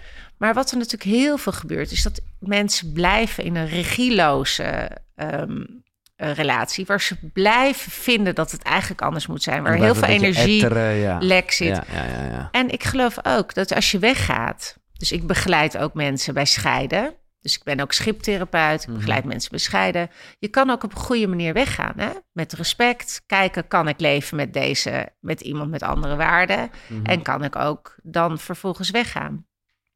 Maar ik geloof dus heel erg, ja, stop met zeuren, accepteer of ga weg. En doe dat op een goede manier. Verziek iemands leven niet. En dit is misschien een absurd voorbeeld. Maar bijvoorbeeld, je hebt ook stellen... Ja, die, ehm, die blijven dan zeggen van... Ja, maar ja, ehm, we, hebben toch nog niet zo, we hebben toch nog niet zoveel plezier als ik zou willen. Dan zeg ik, hadden jullie dat ooit? Nee, eigenlijk nooit. Ja, dan, ja, dan is het toch gewoon... Dit is onze relatie. Dit is part of the deal. Dus zo. Ja, maar denk jij, eh want dat is toch bij, het is mooi en ik ben, een- het er zijn voorbeelden, maar het is toch vrij utopisch om uit elkaar te gaan dat, we- dat, dat iedereen daar het over eens is? Mm. Of niet? Nou, maar scheiden, ik bedoel, dan heb je altijd pijn en dat is ook nodig. Het is ook nodig om de ander even stom te Ja. vinden, want anders zou je niet uit elkaar gaan. Ja. Maar ik begeleid stellen, vooral met kinderen, die kinderen hebben. En ehm, waar je niet alleen het conflict behandelt, maar ook de rouw. Dus ook, je gaat terugkijken wanneer zijn eigenlijk de scheurtjes begonnen. Wanneer is, zijn de misverstanden begonnen? Hoe kunnen we daar op een andere manier naar kijken? Om elkaar in ieder geval te snappen. Ja. En dan heb je zachte, zachtere scheidingen. En daar zijn de kinderen niet de dupe Nee. van. Dus daar gaat het om. Ja. Ja. Eh, de doorbrekers, je hebt dat al een paar keer eh, benoemd. Eh, dus op het moment dat je toch, en nou ja, dit is al een paar keer herhaald, dat gaat gewoon gebeuren.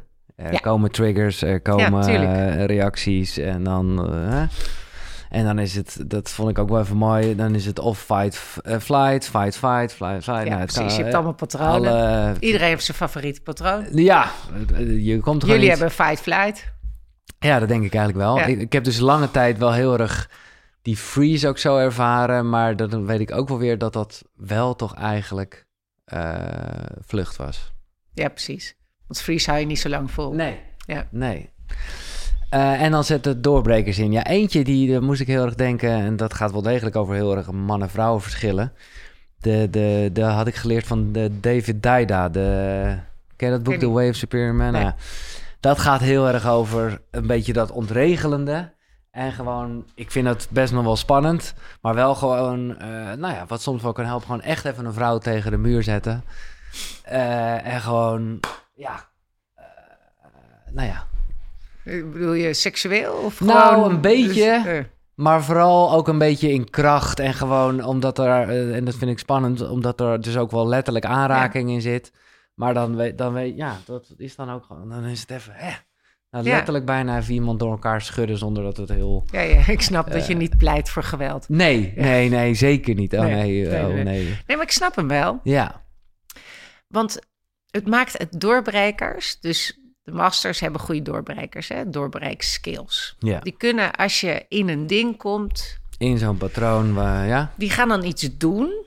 Die stellen kunnen wat doen, zodat je even uit, zodat je brein even in de war is. Zo zie ik het eigenlijk. En welke je ook kiest, het maakt niet uit. Het is gewoon dat je je brein ontregelt. Dus Mhm. ik kan me voorstellen dat dat kan zijn door eventjes gewoon eh, Ja. dit te doen. Ja. Maar ik schrijf ook in mijn boek.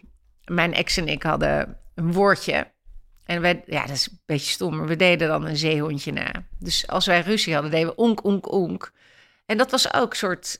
Als je ruzie hebt en iemand doet onk, dan, Ja. dan ben je... Maar ja, nu ik las hebben dat, maar ik dacht ook van... Maar je kan dan toch ook denken... Ja, god, en, eh, doe jij weer dat stomme zeehondje. Ja, nee, Nee, nou ja, dat- dat, maar dat ja. werkt bij ons. Nee, ja, dat kan. Maar nu doen we nog steeds dat zeehond. We hadden laatst ruzie, want we voeden onze kinderen nog samen. Oh en dan stuurt hij ook weer onk. En dat is meteen een soort...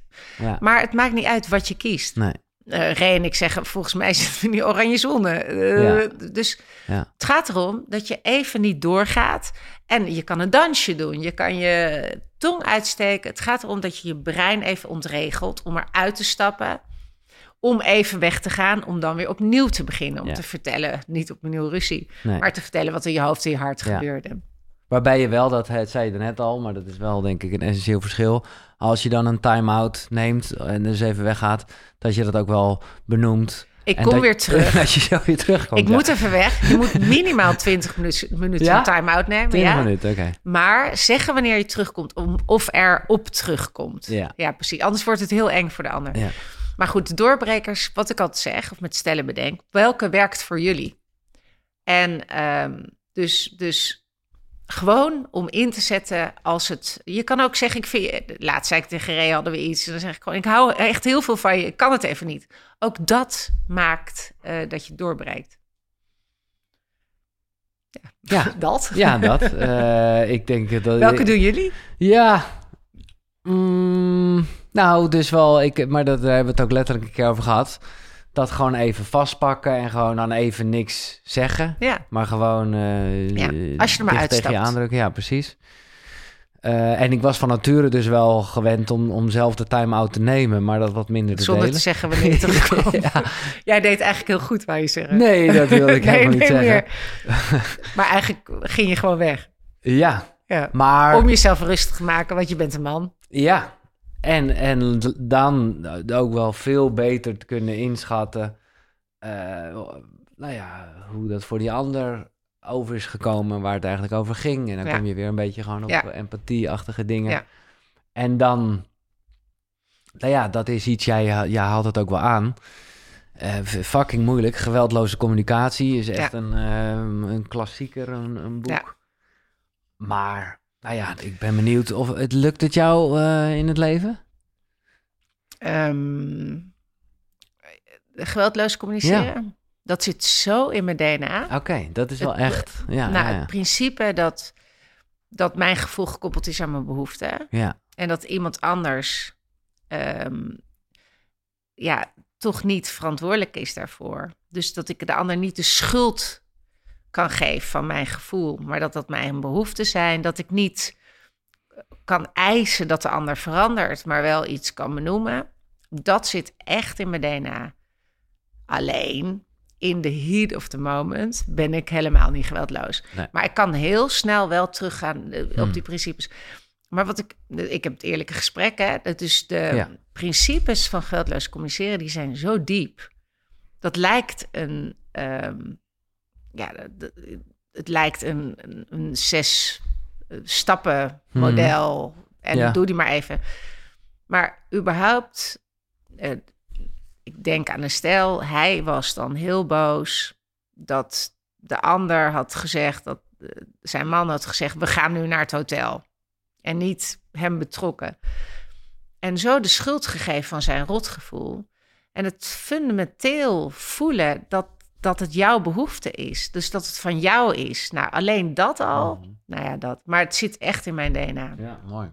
ieder geval in mijn hele denken en zijn en voelen. Ik vrees dus, en niet dat ik er daarom maar de handdoek mee in de ring gewoon akkoord mee ga, maar dat het veel meer passief-agressieve. Eigenlijk alleen al, zoals ik de realiseerde ik me, maar dat ik jou de vraag net stelde over geweldloze communicatie, zat al ontzettende aanname in van, maar dat, Dat is toch helemaal niet niet? vol te houden. Ja. Dus dat is al, dat Ja. is wel eigenlijk. Maar eh, dan nog, hè, voor geweldloos communiceren moet je dus heel erg toegang hebben tot je eigen behoeften Mhm. en gevoel. Ja, maar dat, ja. Dus dat, als je dat een thema is, bedoel dan, daarom zeg ik, het zijn ook niet zelfs zes makkelijke stappen. Eigenlijk elke stap, überhaupt zien wat er concreet gebeurde, zien wat je nodig hebt. Als dat toevallig een thema is, dan, bedoel, het is een, het is een heel diep model. Mhm. Dus dat, dus dat klopt ook. Maar het, het is wel te bereiken. Ja, nou, het is ook weer, eh, als je dat zeker... Toen ik dat boek net las, en zo lang is het nog niet geleden... dan, dan ineens hoor je jezelf dingen zeggen en klassieke zinnen. En dan denk je, shit, hè. Ja. eh, nou ja, Ja. daar kan je nou wat mee. En nog, dat zeg je eh, goed, soms misschien niet in heat of the moment... maar dan weet je later wel van, precies. hey, daar gingen we weer. En dat vind ik dus ook, vergeef jezelf de heat of the moment. Ja. Beschuldig je relatie niet, omdat het af en toe misgaat. Dus als ik ook naar die love map kijk, hè, Ja, dat een relatie is voor mij een golfbeweging. Dus dit kan een relatie van 20 jaar zijn. En dan ga je gewoon eens kijken hoe is het gelopen. En ehm, Ja. hier leer je in van het elkaar. oranje gedeelte, Het oranje- twijfelen, irritatie... Het, het maakt je een mooier mens in die. Daar leer je elkaar kennen. Dus ik vind het ook, Ja.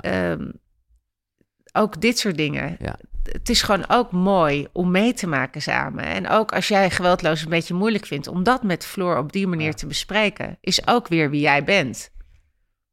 Nee, het is een beetje de klassieker, maar eh, zonder wrijving geen glans. Ja. Ja, ja, ja, ja. Ja, ik ben benieuwd, want eh, ik, nou ja, ik heb jou dus al een keer eerder gesproken. Toen hebben we het ook gehad over de drie boeken. Maar nu ben je in Ja. dit nieuwe boek, sorry schatje, heel erg gezoomd op de relatiecoach. Nou, eh, de, je benoemt ook een aantal boeken.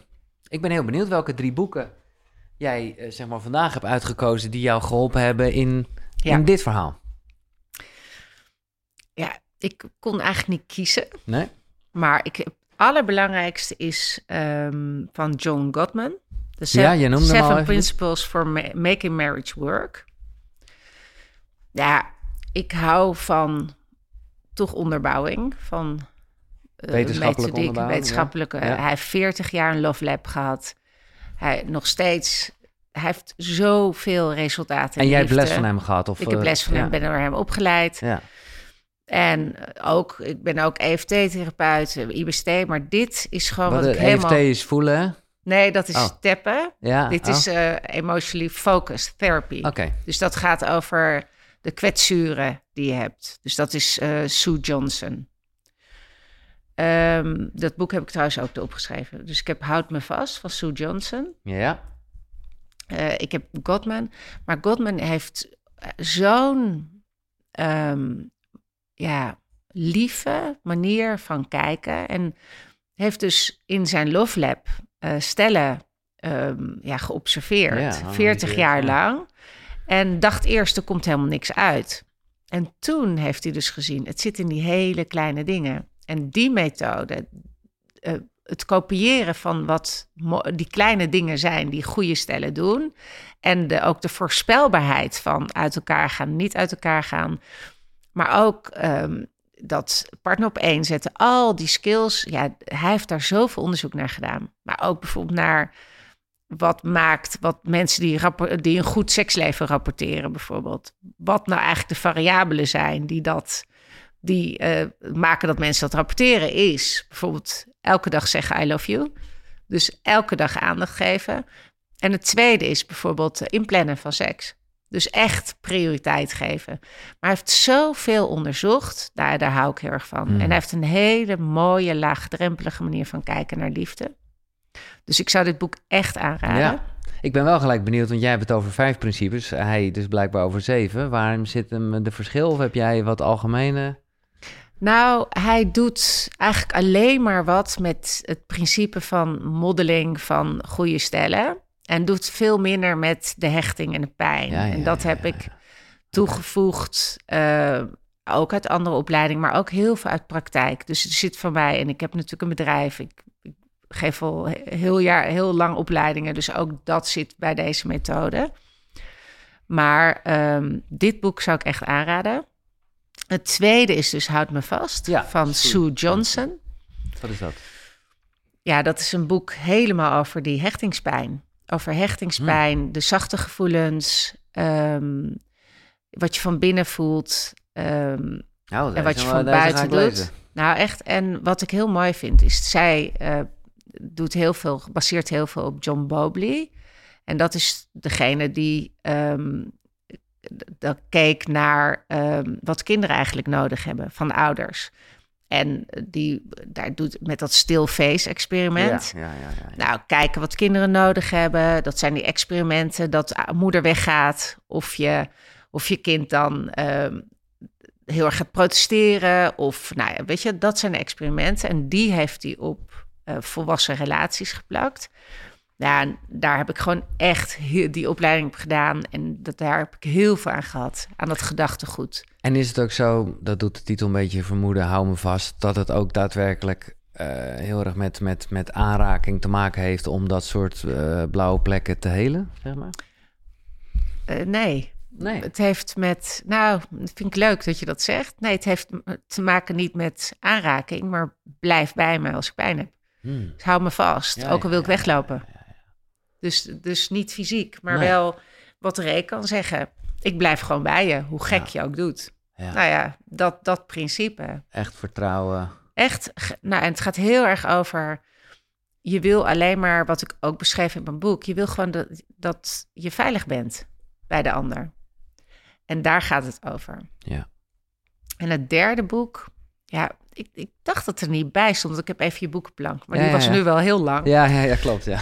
Maar ehm, eh, Verbonden van Amir Leville en Rachel Heller. Nee. Nou, ken je die niet? Nee. Giel, die Nee, is echt... maar de- de- oké. Ja, dat is soort mijn... De Bijbel. Nou, het, nou, dit heb ik best lang geleden gelezen. En die gaat over ehm angstig gehechte mensen, vermijnend gehechte mensen en veilig gehechte mensen. En ehm, ja, wat, dus 60% 50, 60, de, de meningen verschillen, is veilig gehecht. Een deel is natuurlijk angstig gehecht, dus die is bang de ander te verliezen. En een deel is vermijndend gehecht, die is bang zichzelf te verliezen. En Is er ook nog een gedeelte gewoon lekker goed gehecht? Of? 60. Oh, dat is 50. de 60 procent. Ja. Oh, sorry. ja. En die 60% 50% die, eh, ja, die worden niet snel bang. Die zeggen prima als je me een beetje vastklampt, prima als je even weggaat. Overigens ben ik het hier niet helemaal mee eens, want ik denk iedereen is bang. Dus het is altijd een soort schaal. En de diagnose, ik heb bindingsangst, maakt ook dat je eigenlijk niks hoeft te doen vervolgens. Terwijl, nou ja, de- of dat je, dat je vreemd kan gaan of wat dan Ja, ook. Ben je dus een het is soort vrijgepleit ja, ja, met deze diagnose die niet bestaat. Nee. Maar dat terzijde, wat heel mooi in het boek is, en dat vind ik ook het positieve, wat ik ook meeneem, ehm, is dat je, ehm, ook al vind je het eng, dat je door je te verbinden, door kwetsbaar te zijn, gewoon kan helen. Dus dat je ook heel veilig kan worden als je onveilig gehecht bent geweest. En wat ik wel grappig, weet je, altijd uit het boek vond, was, ik vond het altijd wat ehm, naar om te horen. Want ik was op een gegeven moment weer gescheiden, boven de 40. Maar zij zeggen dus, boven de 40 zijn, ja, je gaat in Parship, Tinder, la la, Ja. maar zijn eigenlijk de veilig gehechte mensen op. Oh, Want die krijgen een partner op 25 en die blijven gewoon bij die partner. Dus eigenlijk alle gekkies en onveilige hechten, die zitten in, nou ja, ja, maar goed, dat, ja, ja, ja, ja. wat natuurlijk voor een deel waar is, dat het. Goh. percentueel zitten natuurlijk meer angstig gehechte mensen boven de 40. Maar dat boek vind ik ook een heel, is ook eh, veel redelijk wetenschappelijk boek over hechting. En, Ja. eh, dus deze drie zou ik aanraden. Oh, sorry, ik onderbreek eventjes eh, dit fijne gesprek. Maar dat is vanwege iets dat met boeken te maken heeft. En ja, ik hou van boeken. Ik hou van verhalen. Van lezen, maar ook van luisteren. Vooral als je onderweg bent of gewoon, eh pff, nou ja, weet ik veel wat aan het doen bent. En ik heb nu iets stof met de vrienden van Next Story. Daar vind je echt op die site, jongen, 300.000 boeken. Dus ook zeker de boeken die net besproken zijn. En ik mag je nu, en dat is echt wel een toffe actie, 50 dagen gratis aanbieden. Ja, die gasten die geloven gewoon wel eh, in zichzelf. Dus die denken, oké, dan hebben we ze. Maar dat kan je echt even checken. Uh, ga naar koekeroe.nl slash boekenkast. Daar vind je sowieso alle boeken die besproken zijn uh, nou ja, in de afgelopen afleveringen. En daar vind je dus ook een link. En via die link kan je 50 dagen gratis Nextory gebruiken. Check het. koekeroe.nl slash boekenkast. Nou, de, echt een top 3. en, en jij, ik heb dit echt eruit. Ik bedoel, ik heb hier wat quotejes liggen uit jouw boek. Deze heb ik in een wat ander documentje voor mezelf gezet. Ehm, je wordt juist minder kwetsbaar als je je echte emoties durft te tonen. Je gevoel wegstoppen en je partner aanvallen beschermt je niet. Nee, het werkt alleen maar verwijderend. Eerlijk zijn over je gevoel werkt verbindend. Ja. Ja. Ja, dat vind ik puur goud. Ja. Maar het is die eerste zin, je wordt juist minder kwetsbaar als je je echte emoties durft te tonen. Ja, dat is, dat, ja, want wat denk je daar dan bij? Nou, ik denk ja, dat geloof ik. Maar dat is niet uh, zoals mijn basis. Uh... Nee, bij niemands basis, hè? Nee, nee, dat is. Dus, maar daarom vind ik het, ik, ik voel het aan alles. En dat ja. weet je ook van hoe meer je geeft. Uh, ja, eigenlijk hoe maar meer... ook hoe minder. Dus dit is voor mij ook. Toen ik dit ontdekte, dat dit echt is. Soms ontdek je iets, soms weet je iemand, ontdek je iets en voel je iets. Hè? Mhm. Toen ik dit echt heb gevoeld. Ja dat je niet iets hoeft te verstoppen, dan is dit het ook. En dan word je natuurlijk zo puur en dan kan je eigenlijk niet meer afgewezen worden. Dus zo. Ja. Nou, ik moet denken, haar naam uh, komt uh, met uh, dingetjes regelmatig terug aan Brene Brown, hè, de kracht Ja. van kwetsbaarheid onder andere. Ja. En wat ik heel goed vind, en ik, nou ja, ik zou jou echt best wel de titel de Nederlandse Brene Brown willen geven. Omdat het vaak ook, en dat heb je bijvoorbeeld ook gedaan met die zachte emoties. Zij, ik weet niet of je haar laatste serie hebt gezien. Ik heb een gedeelte in het vliegtuig toevallig net gezien. En het ging heel erg over taal eigenlijk. Over het benoemen. Van gevoelens. En eh, ja, toen realiseerde ik me ook wel dat ondanks nou ja, dat ik hier aan tafel het daar heel erg over heb. Ja, dat ik daar nog wel zelfs mijn vocabulaire eh, in zou kunnen Ja. verrijken. Omdat het anders heel erg is van, nou, niet leuk, pijn, angst. Gewoon hele grootse. Nou, en ook wel, ik, heb- er staat zo'n oefening in het boek, dat soms welke gevoelens je geleerd hebt, Mhm. die, die benoem je ook of die ken je. En sommige, die zijn er bijna niet, hè? Die zijn een soort verstopt. Of... En om echt dat zuivere gevoel te kennen en dan ook uit te spreken, dat is natuurlijk goud. Ja. Om, eh, en inderdaad, Brene Brown stond erop, maar die had ik Ja. vorige keer volgens mij ook Oh genoemd. ja, ja, tuurlijk. Ja, oké. Want ik ben inderdaad echt heel erg gegrepen door haar. Ja, dat als je er gewoon bent, dat er ook de, de schaamte ook weg is eigenlijk. Van dit is het, dit voel ik. En ehm, Ja. ja, maar schaamte, daarmee zeg je het al, dat is gewoon... ja, maar daarmee zeg je natuurlijk, Dat hebben we dus allemaal niet. zo. Ja, ja. Maar daarmee zeg je dus, het is niet goed wat ik voel. Nee. Of mensen mogen het niet zien. En dan moet je jezelf blijven beschermen. Dus ik noem het ook volgens mij in het boek eh, dat je soort emotioneel naakt staat. Hè? Alsof je in je blootje ehm, schiet maar op me. Of, Ja. of doe maar alles met me. Ja, aan de andere kant is, Is het dit heel het ook. vrij? En schiet, Nee, ja. schieten mensen Ja, natuurlijk ook niet. En het is een verschil, vind ik, tussen ehm, vertellen wat je voelt en denkt en de gekheid van jezelf vertellen en de verhaaltjes die je zelf vertellen. Ehm, eh, ik zie altijd zo. Eh, Je kan, het je kan vertellen over wat je denkt en voelt, ehm, zonder daarin te gaan. En wat je vaak ziet, als mensen het hebben over vertellen over je kwetsbaarheid, dat doen mensen vanuit hun kindstuk. En dan ga je een soort zielepieten gedrag. Nou, zielepiet, dat klinkt een beetje, maar in een Wordt een soort soort. vormpje ook. Ik ken het heel erg van meisjes en die gaan dan heel erg... Och, en wat gaan ze toch vertellen over hoe onzeker ze zijn of wat Ja. voor... Maar ergens denk je, maar je zegt niks. Je zegt... Nou, dat, je- dat kan ook zo zijn. Dat soort verhaaltje dat Ja. je voelt, dit klopt niet. Hè? Nee.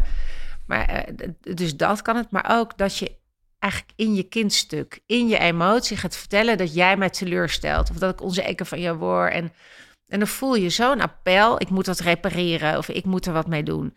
Dus mensen gaan in hun emotie het vertellen. En ehm, Of in hun oordeel of gedachten vertellen wat ze vinden, zeg maar. En de skill is natuurlijk om erover te kunnen vertellen.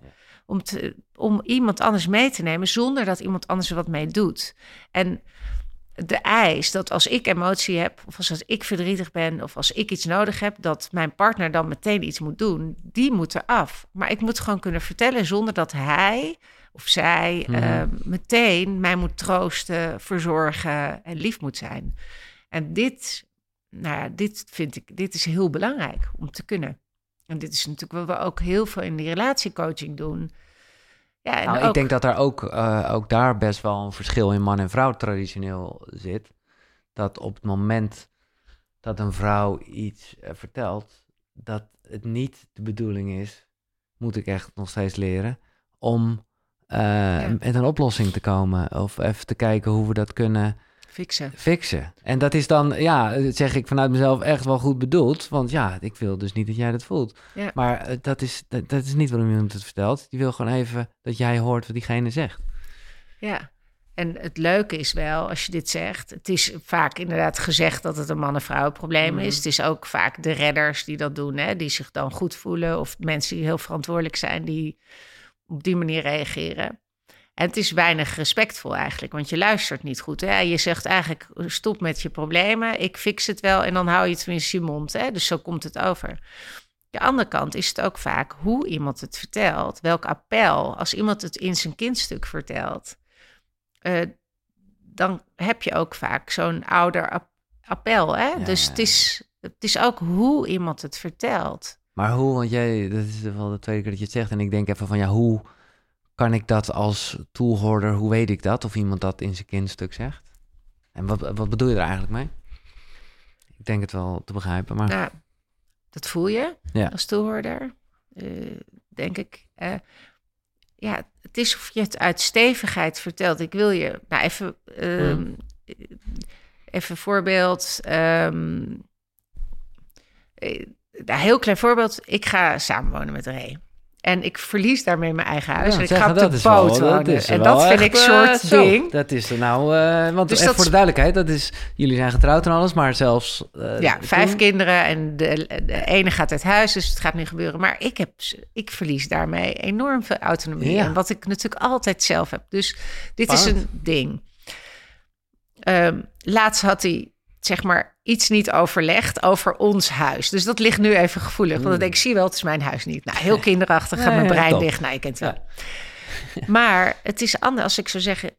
ja, je hebt het niet overlegd en nu voel ik me, ja, nu voel ik me niet gezien en ben nu onzeker. Weet je, dat. Of ik zeg, nou, ik wil heel veel vertellen wat er gebeurde bij mij. Ja, ik voel me echt rot. Dit en dit gebeurde, toen zei jij dat. En dit merkte ik dat ik voelde. Dat is een heel veel volwassener manier van zeggen... dan in je kindstuk Ja. eigenlijk ehm, wel de ander ook de schuld geven Ja. van mijn verdriet. Ja. Ja, dat is, het is ge- genuanceerd, maar echt anders. Ja. En Al vind ik dat kindstuk ook wel lekker puur hoor, maar ik snap dat het niet eh, echt eh, communicatief... eh, maar, Ja. Nou ja. ja, puur, ja, dat weet ik niet. Want je geeft echt de schuld aan Ja, de ander. Dus ja. ja. dat is puur. Authentiek is ook om iemand eh, Ja. uit te schelden. Ja, nee, nee. Nee, maar Ja. puur. En je kan er natuurlijk wel even inzinken. En je kan dus ook even, oh, ik voel me even rot. Maar Ja. het is wel een verschil. Duidelijk. Dat is het. Eh, ik, eh, ja, want ik wil mensen te gaan ook vooral jouw boek lezen. En dus we gaan, ja, ik heb altijd de illusie of de neiging, of ik wil gewoon dit hele boek in een soort gesprek vertalen. Dat kan helemaal niet. Ik vind het fantastisch hoe jij, nou, bepaalde, ja, structuren creëert, woorden verzint of, eh, ja, maar echt, want dat, dat, en dan is nog lang niet alles altijd in, in bepaalde hokjes te delen, maar het geeft een soort overzicht. En we hebben het gehad over de vijf principes. En het tweede gedeelte van jouw boek bestaat eigenlijk uit de tien eh, skills. Ja, super skills. Super skills. Ik wil ze in ieder geval wel even allemaal genoemd hebben. En voor verdieping verwijs ik met liefde naar jouw boek. Eh, skill 1, eh, sorry zeggen. Super belangrijk, maar ook wel, nou ja, dat bedoel ik met jouw types. Eh, eh, die je dan indeelt. Want je moet het wel echt ook menen. En je hebt ook de Ja. te pas en te onpas sorry. De sorry dat ik besta sorry. De erkenningsjunk sorry. De dan ben ik van het gezeik af sorry. De voorwaardelijke sorry. De sorry maar. Die is ook echt dodelijk eigenlijk. Dat Ja. is helemaal geen sorry namelijk. een, eh, de sorry voor alles sorry. En je hebt, ja, ik vind het echt leuk deze skill. Maar sorry zeggen staat niet voor niks op één, denk ik. Hij is wel echt van belang. ja, en de andere kant, de accepteerder. Daarin heb je ook vier eh, mooie types gecreëerd. De ik ga niet moeilijk doen accepteerder. Hè, dat dat Ja. hadden we eerder al een beetje van, het maakt allemaal niet uit. Terwijl je dat helemaal niet meent dan. ja. Eh, de roddel accepteerder. ja, die zegt ik accepteer het wel, maar ondertussen. Ja. Dit is, nou ja, vind ik in koekeroe-omgeving heel erg leuk. eh, de spirituele accepteerder. Ja. Dat is, ik heb geen ego, het is allemaal goed, alles Ja. is liefde. En ondertussen, hè? Eh, precies. En eh, de voorwaardelijke accepteerder. Dan, dan ben je gewoon weer zegeltjes aan het Ja. sparen eigenlijk. Ja. Nou goed, eh, het is heel belangrijk om sorry te zeggen. De, het is Ja, niet... het, het brein van de ander wacht op een sorry. En dan is het weer, dat opent weer het gesprek, hè? Ja, Dus sorry schatje, dat is natuurlijk ook de titel. Betekent niet dat met sorry schatje alles gerepareerd is. Maar het woord sorry kunnen zeggen ja, is voor sommige mensen echt heel moeilijk. ja. Nou, ik denk, en dat is de, misschien wel de essentie ook, eh, toen we het net hadden over die kwetsbaarheid. Als je echt sorry zegt, Ja. dat is dat eigenlijk heel kwetsbaar. En dan zeg je dat niet alleen om die... Dan zeg, eigenlijk, misschien zeg je het wel helemaal niet om die ander een plezier te doen. Maar je deelt gewoon de pijn dat je er zelf ook van baalt dat je niet gedaan hebt wat je eigenlijk zou willen. Precies. En het is heel moeilijk om jezelf natuurlijk niet goed te vinden. Ja, Daarmee zeg je, ik heb iets niet goed gedaan. Ja, Dat is natuurlijk echt niet fijn. nee. Nou, dus dat als je die skill goed, eh, lekker positief ruzie maken. En dat gaat eigenlijk over die, ehm, die verwoestende vier. Ja, Om kritiek om te draaien, ik-boodschap, verdedigen, verantwoordelijkheid nemen, cynisme in een behoefte en innerlijk vertrek in ehm, eventjes time-out nemen en terugkomen of even doorbreken. Dus om eigenlijk is wel mijn pleidooi, kom daar nooit bij die vier. nee, Want die lopen niet goed af als je Nee. daarin blijft. nee. Maar, nou ja, zoals ik aangaf met mijn bijna, of bijna, met mijn, mijn onderbewuste automatische oogrolreactie, wat dus, eh, Ja. nou ja, de, van de woestende vier nummer drie het cynisme is. Ja, maar goed, je kan je trainen. Precies. En je kan op terugkomen en Ja. lachen. En bedoel, Ja. het gaat erom als je blijft doen en Ja. volharden. En om te kennen dat je het doet. Eh, skill 3, lief en duidelijk communiceren. Hier hebben we het wel over gehad. Ja, Eh, gewoon beleefd zijn. Gewoon beleefd blijven altijd. En dat past ook Ja. weer echt bij het principe van de eerste dag. Hoe zeg je dat? Ja, kies elke dag opnieuw. Eh, eh, ja, Maar altijd. ga niet los op je partner. Nee. Doe niet tegen je partner zo lullig. En doe gewoon hoe, hoe je ook tegen je collega doet. Precies. Nieuwsgierig zijn. Is, En dan ook echt. Ja, Precies. Eerlijke gesprekken voeren. ja dat is gewoon zo het brein van de ander kan blijven luisteren. Hè? En dat is eigenlijk waar we het over hebben gehad. Dat geweldloos communiceren, je eigen behoeften vertellen. En niet eisen dat de ander verandert. Nou ja, en dat was, eh, om nog even terug te gaan naar mijn ouders destijds. Ik zag vooral die handeling die niet meer echt bedoeld was. Maar ik wist ook zonder dat ik daar, daar had ik ook als, als kind niet bij kunnen zijn. Maar ik wist gewoon dat ze ook geen eerlijke gesprekken meer voerden. Ja, en dat voel je natuurlijk dat echt heel voel je. goed. En, en, en ja, eh, blij dat ze dat op het eind van hun leven, eh, hè, toen mijn vader nog leefde, dat nog wel even gedaan hebben. Ja, en dit is een super skill. eh, dat is waarom ik, realiseer ik me achteraf, met koekeroe ben begonnen. Namelijk niet zozeer om je goed te voelen, maar om beter te Ja. worden in voelen. Ja. En skill 6 is weten wat je voelt. En dus wat je nodig hebt, omdat Ja. die gekoppeld zijn. Ja, dus dat, is, dat zeg jij nu nog een keer. eh, dus behoeftes en grenzen, dat is dan natuurlijk een beetje hetzelfde gebied. Ja. Ja? Nee, waarom moet je hier... Nou, ik zat te denken, grenzen is vaak gekoppeld toch aan de emotie, bijvoorbeeld ehm, eh, boosheid. Dus, dus, dus toen- zo zat ik te denken. Mhm. Maar ook wat je nodig hebt, is natuurlijk gekoppeld aan ehm, grenzen en waarden. En, maar goed, dat, dat hele gebied. eh, als je dus je voelen, als je niet voelt wat je voelt en voelt wat je nodig hebt, heb je, maar dat hebben we al gezegd, heb je geen kompas. Nee. En, ehm, en dat heeft zijn prijs uiteindelijk. Want dan kan je niet voor jezelf zorgen. En dan moeten anderen doen.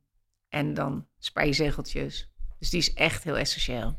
En wat een beetje in algemene zin, eh, en ik, eh, nou ja, eh, nou, gewoon even één algemene lekkere tip. Als je hiermee kampt, dat je dat kompas eh, lastig vindt om altijd te voelen of te zien. Wat is jouw eh, tip? Nou, die is niet eenduidig. Ik denk dat er allemaal allerlei manieren zijn van persoonlijke ontwikkeling waar je elke keer een luikje open doet. Dus het is niet zo, ga in haptotherapie en dan ben je genezen. Nee, het is geen... Nee. Dit is ook opstapeling van leren. Ook wat jij aan het doen bent. Dus in alles waar ik ook ben geweest en nu ben, dat is omdat je een opstelling hebt gedaan, omdat je in coaching bent Ja, gegaan, omdat je de- therapie bent, haptotherapie, omdat ineens in een gesprek, in een café, iemand wat zegt. Dus die is niet eenduidig. Nee.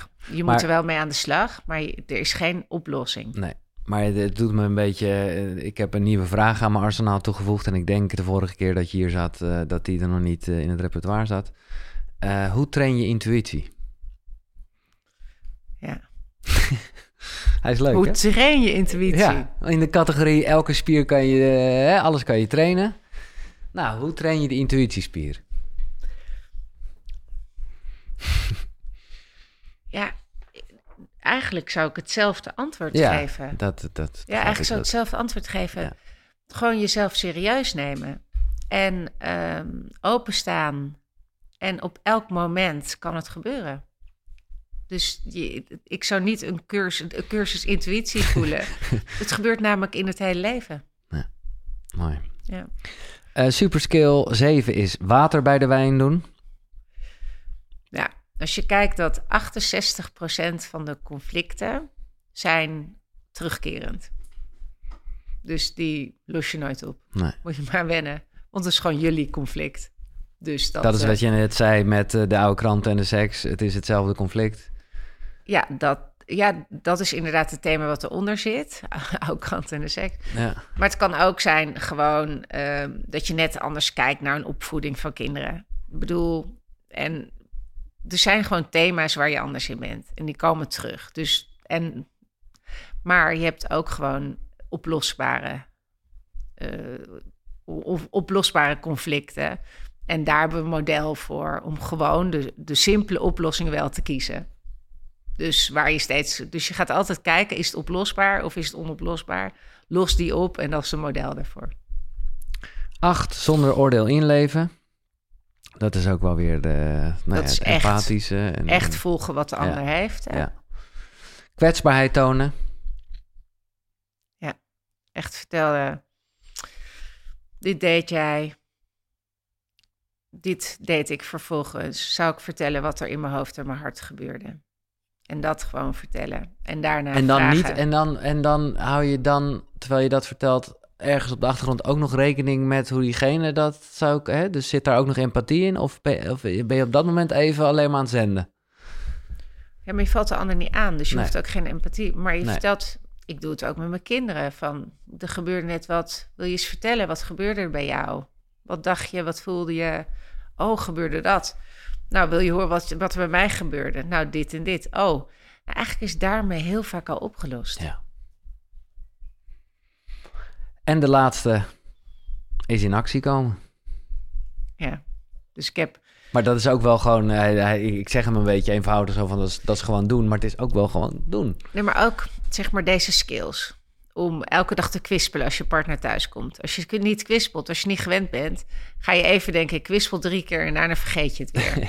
Al deze skills moet je ook doen. En weer doen en weer Ja. doen. En dat is net die spier die je moet trainen. ja, ja, ja. En daarom heb ik toegevoegd: hoe zorg je nou dat je discipline hebt om echt te doen wat je hebt te doen? Want je gaat zo weer je oude, ehm, oude gedrag. En dat is inderdaad de in actie komen om het te blijven doen. Omdat je dus kan veranderen. Ook als je kijkt naar waar jij het over hebt, over die geweldloze communicatie. Mhm. Dat je elke dag bij wijze van spreken er weer aan denkt. Dan, daar heb je discipline voor nodig. Ja, en ook een soort liefde naar jezelf toe, dat als het niet gelukt is. Ja, tuurlijk. Ja, Want als je te streng bent, stop je ook. ja, Ja. ja. Eh, ja, we kunnen nog heel veel dingen, want er staan allemaal hele handige tools in. Jij liet er net al eentje vraag, eh, eh, vallen, vragen die je altijd kan stellen. B- bijvoorbeeld vertellen eens wat gebeurt er dan precies in je hoofd. Ja. Ja, maar goed, het heeft allemaal, eh, nee ja, we kunnen, ik, ik kan gewoon niet alles bespreken. Moet je het gewoon lezen. En, ja, nou ja, dat is wel een beetje wat het is. Eh, en ik vind het leuk, want je hebt me met de boeken en de dingen, eh, nou ja, ook met eh, betrekking tot wat ik jou aan het begin van eh, het gesprek Ja. vertelde, weer heel veel tools gegeven. Eh, maar ik, nou ja, ik zou ook liegen, hè, als het gaat over gevoel delen, als ik er niet heel eh, excited over ben. Ja, over Het vaderschap, ja. je kindje. Ja. Ach, Giel, het is zo bijzonder. Je gaat weer zo nieuw Ja. avontuur tegemoet. Ja, nee, maar ik kan bijna. Dat is een beetje, beetje. Ja, nee, dat vind ik ook. Maar ik kan soms bijna jaloers zijn op mensen die er gewoon niet zo mee bezig zijn. Terwijl ik ben nu zo bezig, nou, hier met jou dit gesprek. En dan weet je gewoon heel erg dat kinderen en mensen bezig zijn Ja. met oh, beter vormen. eh, Ja, eh, Ja. Nou ja, goed. ja, en daar ook, wat je net zegt, is ook daar de lat.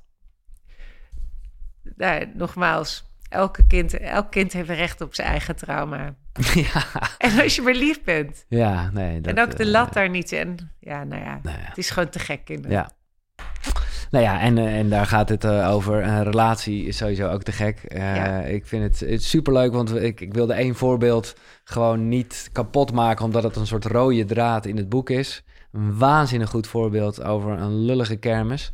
Oh ja, Ja, nou wat wel grappig is aan Oh. de, oh, eens over die Til- Tilburgse kermis. Die hebben we natuurlijk samen geschreven. ja er zitten je, zowel eh Ray, Kluun, jouw man, eh, als jij... komen dan over één bepaalde case, zal ik het maar even noemen, terug.